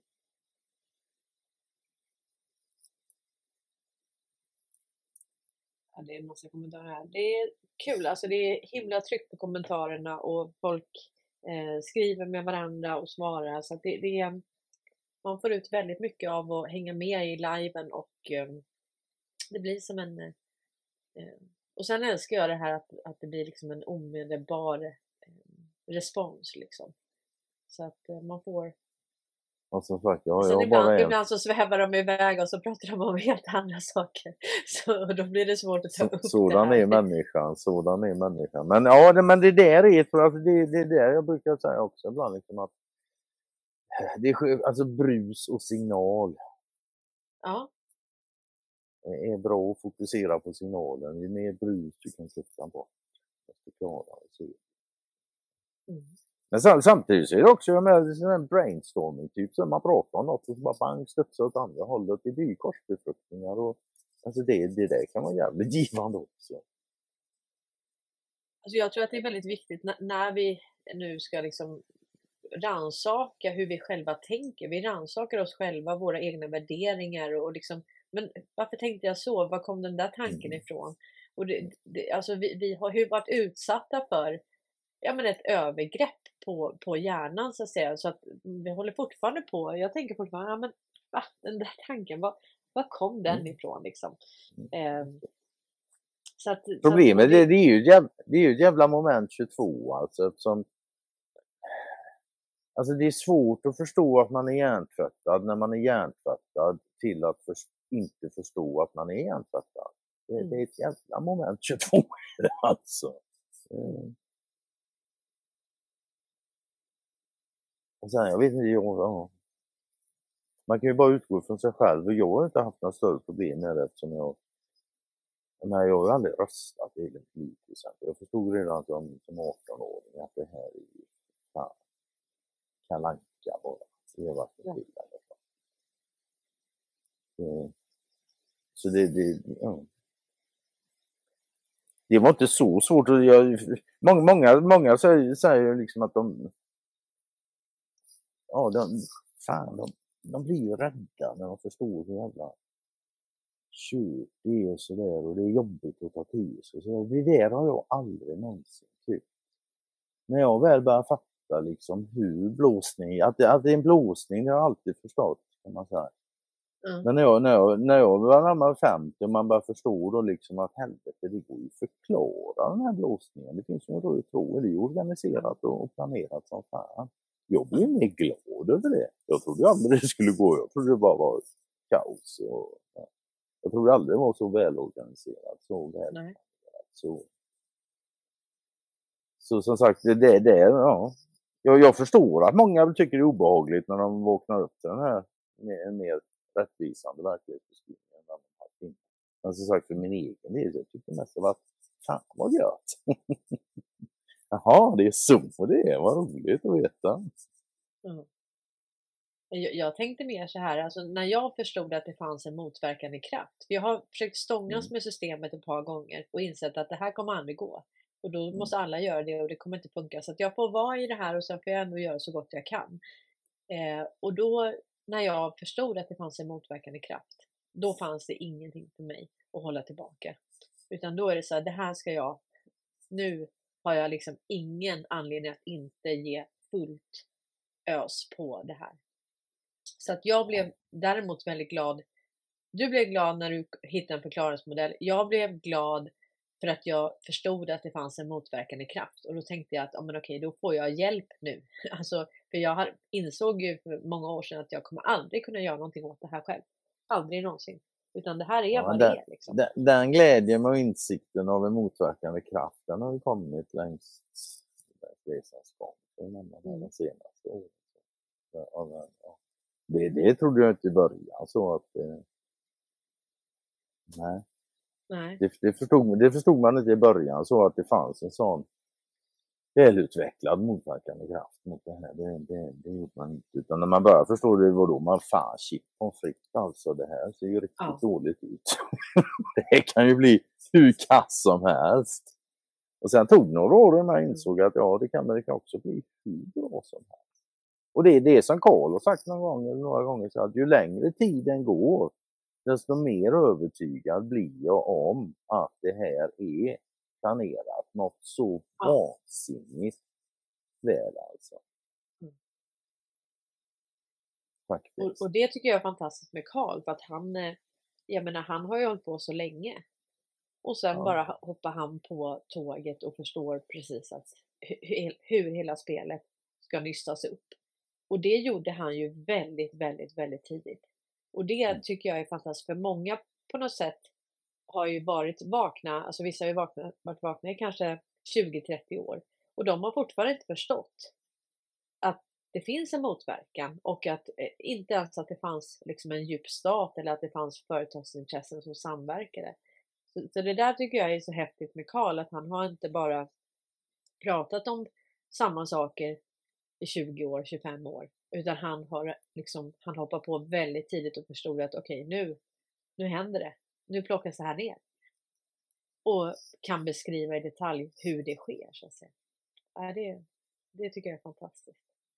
Jag är nog inte helt säker på att han var helt medveten om att det fanns starka motverkande krafter för 20-25 år Nej, det tror jag inte heller. Det var inte det jag sa, utan jag sa att han började då. Men sen när han Mm. förstod att det var en motverkande kraft så omvärderade han och, och hoppade på det tåget. Många har inte gjort det, utan är kvar i att bara prata problem. Liksom, Ja, ja, ja, ja, ju alla, ja, ja, visst. han De, pratar de både som, vad problemet är ja, och hur det här ska lösas upp. Och där är Ja. han unik. Det var, det var det jag menade. När han, han Ja. förstod tidigt att det här finns en motverkande kraft och, och hoppa på det tåget och förklara då både vad problemet är och hur det här ska lösas upp. Vad lösningen är så att säga. Och många Mm. presenterar ju inte lösningar utan de, de lö- Nej, många hoppar ju på defaitisttåget istället. Mer eller mindre. Ja. De, de liksom vältrar sig i skräckporr. Det, Mm. Precis. och vad ska man är säga? precis Då, är- då, är, då är vi där igen, var och en har sin egen fria. Är det vad de tycker de ska fokusera på så bör man inte hindra dem. Det, då får de göra det. Alla, alla måste göra det de känner de bör göra. Jag Med förbehållet det, då att jag vet inte skadar om det är så som du säger direkt. Alltså jag, jag tror ju vissa utav dem är, är ju avlönade för att göra det de gör och då, då är det ju inte att de kanske eh, gör väl det för att de känner utan det är bara ett jobb liksom. Mm, visst. Jag Visst gjorde bara det mitt så. jobb, att, att det är ett jobb. Och, och där är det så att du har ju en hel psyops, alltså det finns ju hela psyops team, alltså det här, det här är ju, går ju till statliga medel, alltså Försvarsmakten har en psyop-avdelning, alltså vi har eh, Myndigheten för psykologiskt försvar. Det här är det här är vad folk sitter och blir avlönade att göra och då är det ju inte att sitta och sprida sanning på det viset utan det, det är ju ja, det är ju det motsatta. så att säga. givetvis. Mm. Givetvis. Och då är ju inte det frivilliga utan så att många i det här De är ju frivilliga på så, det är ingen som tvingar dem. Det är bara det att de inte betalt för det. Eller så har de hållhakar på sig. Det, det kan vara vilket Så kan det som, liksom. vara visst nat- naturligtvis. Men då får de ju knappast betalt. Jo, de kanske får det. Lite grann. De måste ju ha det för att kunna vara användbara. Ja, precis. Även de måste ju försörja sig. Ja, nej, jag tror att de kan få betalt mycket och att, att, att de gör det de gör eh, på grund av hållhakar och sen måste du ju hålla... Visst är det alltså, så. Jag, menar, jag, jag var själv med. Vi hade någon, vi hade någon föreläsning i Göteborg för många, många år sedan. Ja. Och då kom, fan, svart, Svartling eller någonting. Va? Han, har varit, han har tydligen varit domare i det här idolprogrammet. Svartling. Ja, just det. Ja. Ja, det fanns någon sån. Va? Ja. Vi- Han var där bland annat sådär och och det var så, ja, vi skulle prata med dem efter och då, då presenterade de ett projekt som vi kunde få vara med i. Det var någon jävla matodling i grottor eller vad fan det var och tillgängligt Mm. fanns det en 60 miljoner kronor. Så ja, att det förekommer och hur det går till. Till saken, det det, det, var för jävla roligt. Marcus var med då också. Det var för jävla, det kommer ihåg än idag. Ja, de börjar ju tjafsa om det här och så nämner de summan då liksom. Och Marcus han bara reser sig upp och säger på sin goda skånska. Ja, det här hör jag, det är inget för mig, jag är hungrig. Och så gick han bara.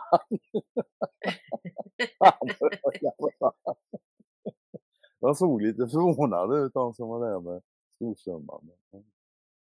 Det blir inget Ja. av det där i alla fall. ja, ja. ja, precis. Peter Svartling heter han. Ja, okej, kan stämma. Skalle. Ja, det är han. Ja, precis. Ja, okej.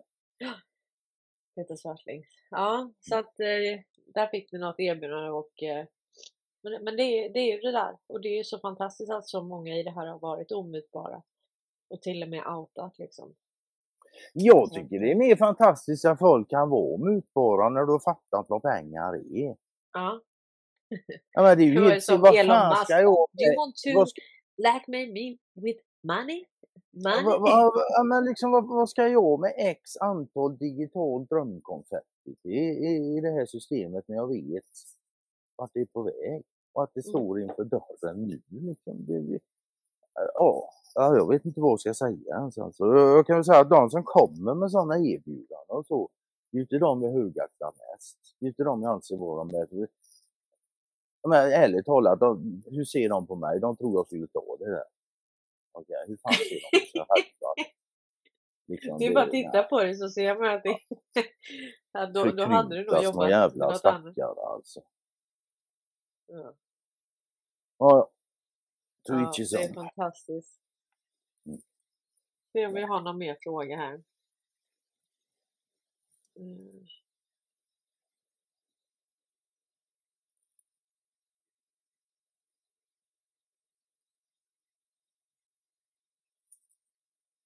Nej. Nej, då är inga mer Ma- frågor. Marit säger, jag håller med Conny, livet är underbart nu och när jag inser varför jag har varit så förbannad på systemet. Och Marit skrev också innan att eh, det går ju inte att säga att alla inte vill ha ett transparent finansiellt system. För det finns ju de som vill ha det också. Vi vill ju ha det till exempel, vi har ju ingenting att dölja. Ja, så nej, att, nej, eh, jag inga, inga problem med det. Nej, Mm. Så att, eh, nej jag har inte heller några problem med det. Alltså Mm. det är ju så här, va? Det enda, alltså Men det blir ju, man måste ju fråga, man måste ju fråga om, man, om man nu är emot det då, om man inte vill ha, jag vill inte att andra ska kunna se hur mycket pengar jag har och vad jag har dem. Men då måste man ju fråga sig varför, varför då? För att det har ju varit så mycket avundsjuka också så det, är väl, det Ja, har ju, alltså, det har det, det, det ska alltså svar, svar, svar, svar, alltså jag är inte ute, det här är retoriska frågor som individerna måste ställa sig själva. Och det finns Ja. lika många svar som det finns individer. Va? Men det är dit, det är där man kommer. Om man, har så, om man förstår att ja, ett helt transparent system, det går inte att korrumpera. Det har varit jävligt bra. Men jag vill inte ha det ändå. Då måste man fan fråga sig själv lite grann varför. vill jag inte det? Mm. Vad är det jag är rädd för då? Vad är det jag, vad är det jag vill skydda som, som hotas av det? Det måste man fråga sig själv. Och som sagt var, jag, jag har svar för mig själv när det gäller de frågorna, men inte för andra människor. Det får de fan ta reda på. Jo, men Mm. Och liksom reda ut de här emotionella kopplingarna man har till pengar, för det har man. Hur starka Ja. är de? Alltså det är Ja, men du, du, du, ju. du, du, Rädd att du har hört- utan, rädd att bli av. ja, men du har ju hört människor som har pengar är så roten till allt ont. Det har du hört människor säga, eller hur? Det, det, det, Vad sa du? ja. Att, Pengar är roten till allt Vad, ont. vad? Ja, fast det är ju fel, för det är kärleken till pengar Ja, som men är då- men det- ont, om det- vi ska citera Bibeln då. Det vad du, du har hört folk säga det, pengar är roten Ja, jag har allt hört för, ja, Mm, men eller då har man felciterat ja, Bibeln, ja, men då. Du har hört folk säga detta, eller hur? Ja. Ja. Mm. Ta då 100 000 spänn i cash. Sätt Ja. det i näven på de människorna som säger så.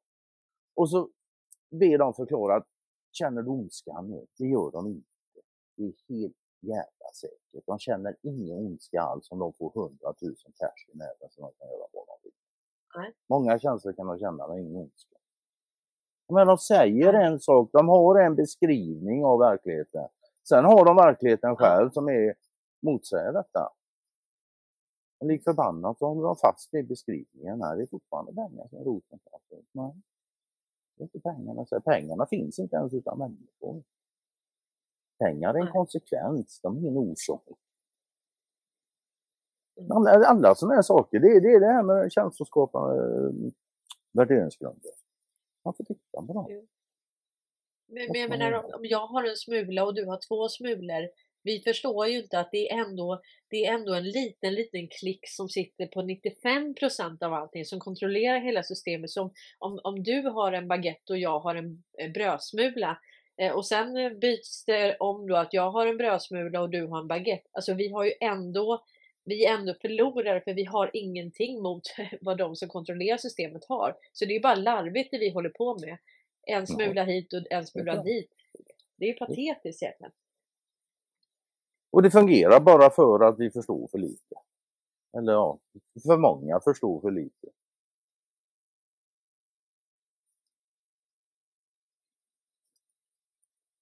Det är Ja, vintersnuva. Ja, jag vet inte vad det är. Någon form av allergi. Men eh, nej, så att ehm, eh, och, och då måste vi ju sluta. Så att jag menar, om du ser att jag har två smulor på mitt konto och du har en baguette.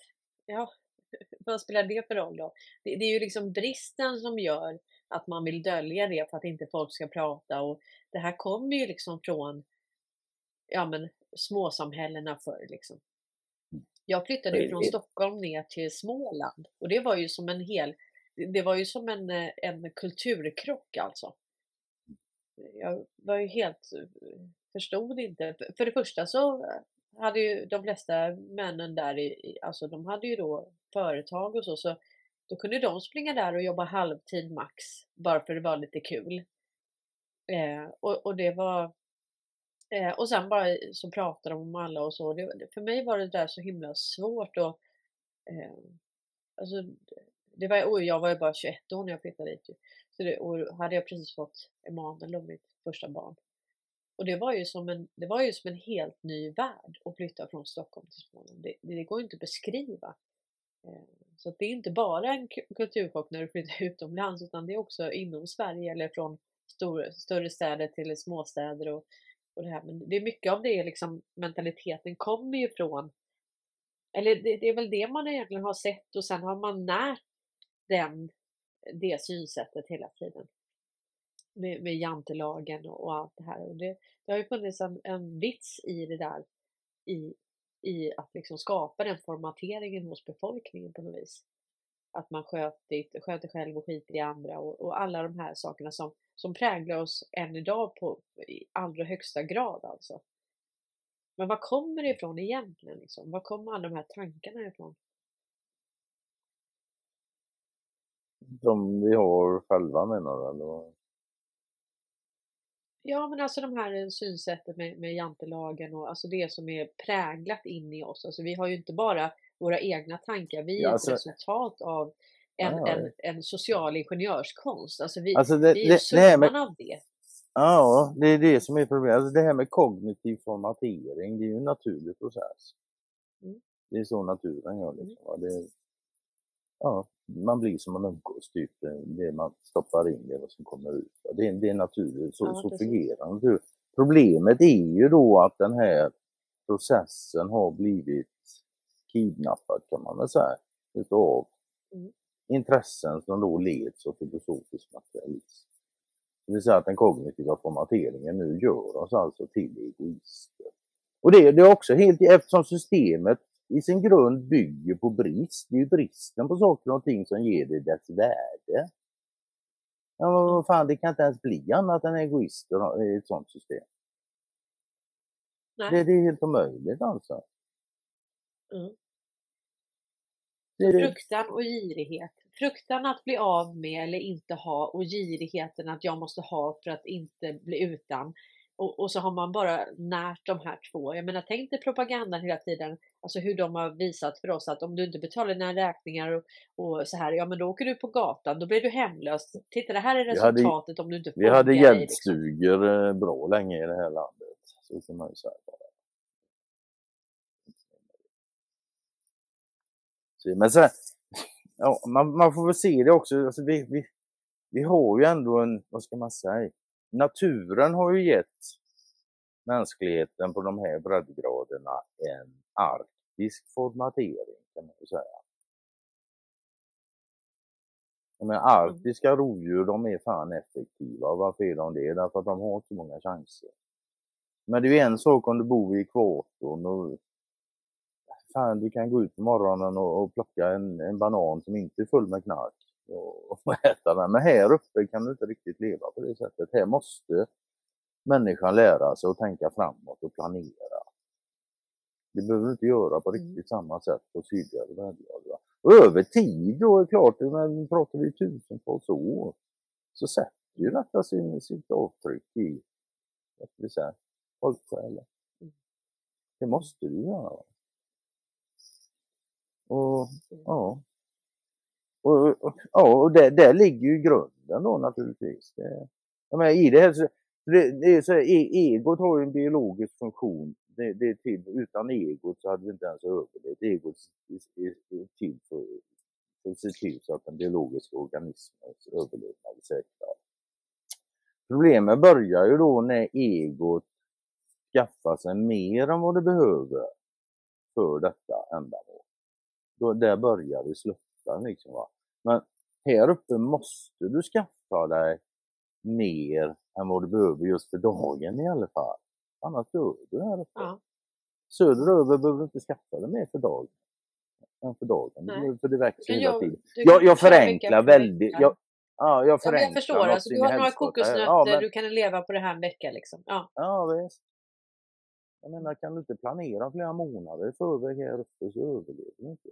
Och nu är det en annan sorts all teknik och så, men så för några hundra år sedan, tusen år sedan ska vi inte prata om, det gällde det fan att planera. Så det fanns ju en grogrund för detta.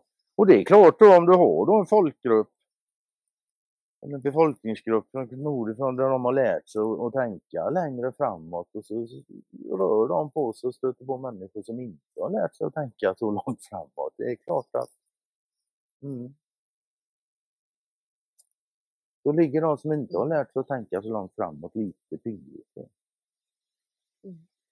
Och det är därför Wallenberg som... planerar minst hundra år. Ja, visst, visst, visst. Och jag menar nu, nu jag såg något litet klipp eh, på Youtube här och det är max några år gammalt. Det, det är ju taget från Wallenbergs kanal här. Youtube-kanal där. Och han sitter och pratar med någon och de pratar just om långsiktighet och planering och sådär. Och då säger Valdemar något i stilen att ja, nu när de pratar om liksom långsiktighet i företagsplanering, då pratar de om fem år kanske och det är jättelång planering. Vi pratar 105 år säger han. Ja. Ja. Och det har de Ja, alltid det. gjort. Mm. Och vi väljer nya partier var fjärde år. Ja. Och politiken styr då allting. Det styr, politiken då som väljs nytt var fjärde år styr alltså de vars planeringshorisont i fan hundra år. Ja, det får man Mm. fan vara svensk för. ja, ja, ja.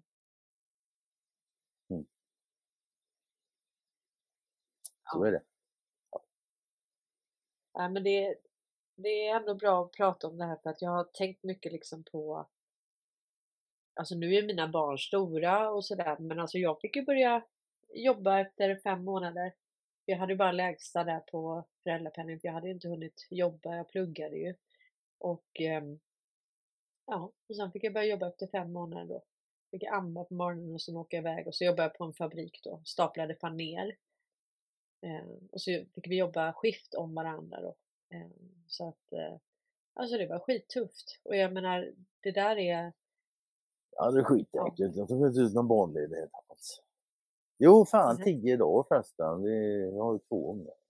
Tio Ja. dagar bägge gångerna. För det, det var man tvungen och det gick inte överlåta. Men, nej, inte ut en enda. Och det, det låter ju som, men det har sina randiga skäl och ute orsaker. För jag jobbar ju till sjöss då. Ja. Så jag, jag var ju hemma liksom halva året ändå. ja, sex månader utan sex månader.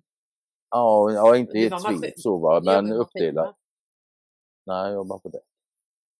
Jag är ingen, jag är ingen teknisk människa. Jag gick knackade av. Så, Mina men, men hur, kompisars pappa, han var ju maskinist så han, var, han låg ute sex månader och hemma sex månader. Min brorsa Mm, då, han var ute tre de månader, också. hemma tre månader. det fanns de också. Längsta törnen är ju åtta månader. Men oftast Ja. då när man, ja, när man fick, det var sex veckors då, men utslaget på ett år då så blev det ju halva året hemma, halva Ja. året. Så jag var ju så mycket ledig ändå så, så min fru tog all barnledighet. Faktiskt. Ja. Vilket, vilket är jävligt bra alltså. För det, hon Du skrattade ju inte här i Sverige heller, vid MUP. Jo, jo, jag i Sverige. Jag seglade på en svenska konton. Jaha, för, nej, för min brorsa han var sjuk men de skattade ju inte, de var skattebefriade. Jag jobbade på Wallenius. Ja, vi hade De var sjömansskatt. hade vi. skattebefriade. Ja, det tror Va? inte jag de har svensk. Nej, men de har sjömansskatt hade de. Eller hade. Jag vet, de, de la om Ja, men han skattade inte skattesystemet. Sverige för det. Alltså, Nej, har, Det de- har, var de inte svensk, har de inte svensk flagg på båten så skattar de Nej. inte. Men jag, Men jag jobbar du på svensk flagg då? jaha, Ja, jag seglar bara under svensk Mm. Men hur som helst, det var jävla bra alltså att hon tog för det. Hon var ju Ja, men hon, hon var ju liksom, hon jobbade halvtid kom fram, fram till ungarna började skolan nästan. Hon var hemma väldigt mycket. Och jag var ju hemma Ja. när jag var hemma då. Ja, då var du ju helt jag hemma. Och sen var Ja, och när, när jag var helt hemma då passade hon på att jobba så mycket som möjligt och spara dagar då, Ja. eller jag vet inte hur det men jag vet, hon drog ut på det i evigheten alltså. Hon hade fan barnledighet i flera år efter ungarna kom till världen. Ja, man kan spara till åtta år tror jag det Eller det var det förr i alla fall. Okej. Ja. Mm. Ja, jag vet inte hur hon gjorde men. Men det, ja, det, det här är ju också då, det är ju 90-talet och då, ja, det fungerar ju. Mm. Jag fick ju mannen 98 och, och då hade jag 4000 före skatt på föräldraledigheten för att jag inte hade hunnit jobba och för att jag pluggade. Så det gick ju inte. Det gick ju inte att leva på det liksom. Så då fick jag börja jobba väldigt tidigt och, och då kollar man på andra länder. Alltså vi, vi tror att det här är så himla bra system så att säga. Men jag menar, hade vi också bara fått, nu hade inte det hjälpt mig då, men hade vi bara fått behålla mer så att säga av det. Jag menar vi skattar ju bort liksom någonstans 50 Jo, men alltså det- 80%, Ja, men man måste på hur vi konsumerar. igen då, alltså systemet går ju i mångt och mycket ut på en av de absolut primära sakerna för systemet är ju att få tag på barnen så tidigt som möjligt. Då går det för fan Ja. inte att ge nyblivna mammor möjlighet att vara hemma. Nej. Så liksom, inte hemskolning heller, det funkar ju inte. nej, det går absolut inte. Utan, nej, Det, det är Och innan fanns ju dagmammor också och det var ju jättetryggt att vara hemma och kunde ha tre, fyra, fem barn liksom, dagmamma. Mm. Och de hade jättekul och var ute och lekte och så, men det, gick ju inte heller. Ja, nej, det, det fanns ju var liten. Mm. Fast när jag var vi hade, vi hade jag. faktiskt ett eh, dagbarn ett tag. Morsans väninna där. Han, ja, eller då på eftermiddagen. Det var morsans väninna och vi bodde på samma gård. Så, så han kom alltid hem och var på eftermiddagen. Ja, du ser. Det, det, där måste vi tillbaka till. Vi måste tillbaka till grunderna. Jag, jag såg ju presskonferensen nu med, som handlar om skolan. Eh, och det, det, är ju så att nu i skolan så går man ju helt tillbaka till grunderna. Nu är det läsa och skriva, ut, åker, eh, religion och agendastyrd undervisning så att säga och vinstmaximering. Så att nu, nu är det tillbaka till papper och penna och eh, ja, ha riktiga böcker. Så att eh, allt det här som de har gjort som ett experiment då i flera år med, alltså även att de pyttesmå barnen får ju skärmar liksom. Jag menar det börjar redan i förskoleklass. Men då har de ju inlåsta i ett skåp. Men de får ju, ja, de får ju vara på datorerna hela tiden liksom. Och sen börjar det att de får börja ta hem dem sen ju. Så att, men det där experimentet, det är slut nu. Det där kommer inte, nu, nu är det helt andra bullar i ugnen. Ja, vi får se. Vi får hoppas på det. Jag menar, skolan är ju inte det område som behöver minst uppmärksamhet i det nya som kommer. Nej, men det tror jag att det Och nå någonting, jag, någonting jag skulle vilja se eh, inför tidigt i skolan, alltså, det är någon slags form av ja, meditation, alltså. Uppmärksamhet inåt, alltså att ungarna får lära sig tidigt. Alltså någon sen, form av... Ja, meditation, något liknande för avslappning, att de får rikta uppmärksamheten inåt. Mm. Att, vi får lära, att vi får lära oss det tidigt som Det bör vara en tidig del av, av den kognitiva formateringen. Det tror jag hade varit bra för mänskligheten.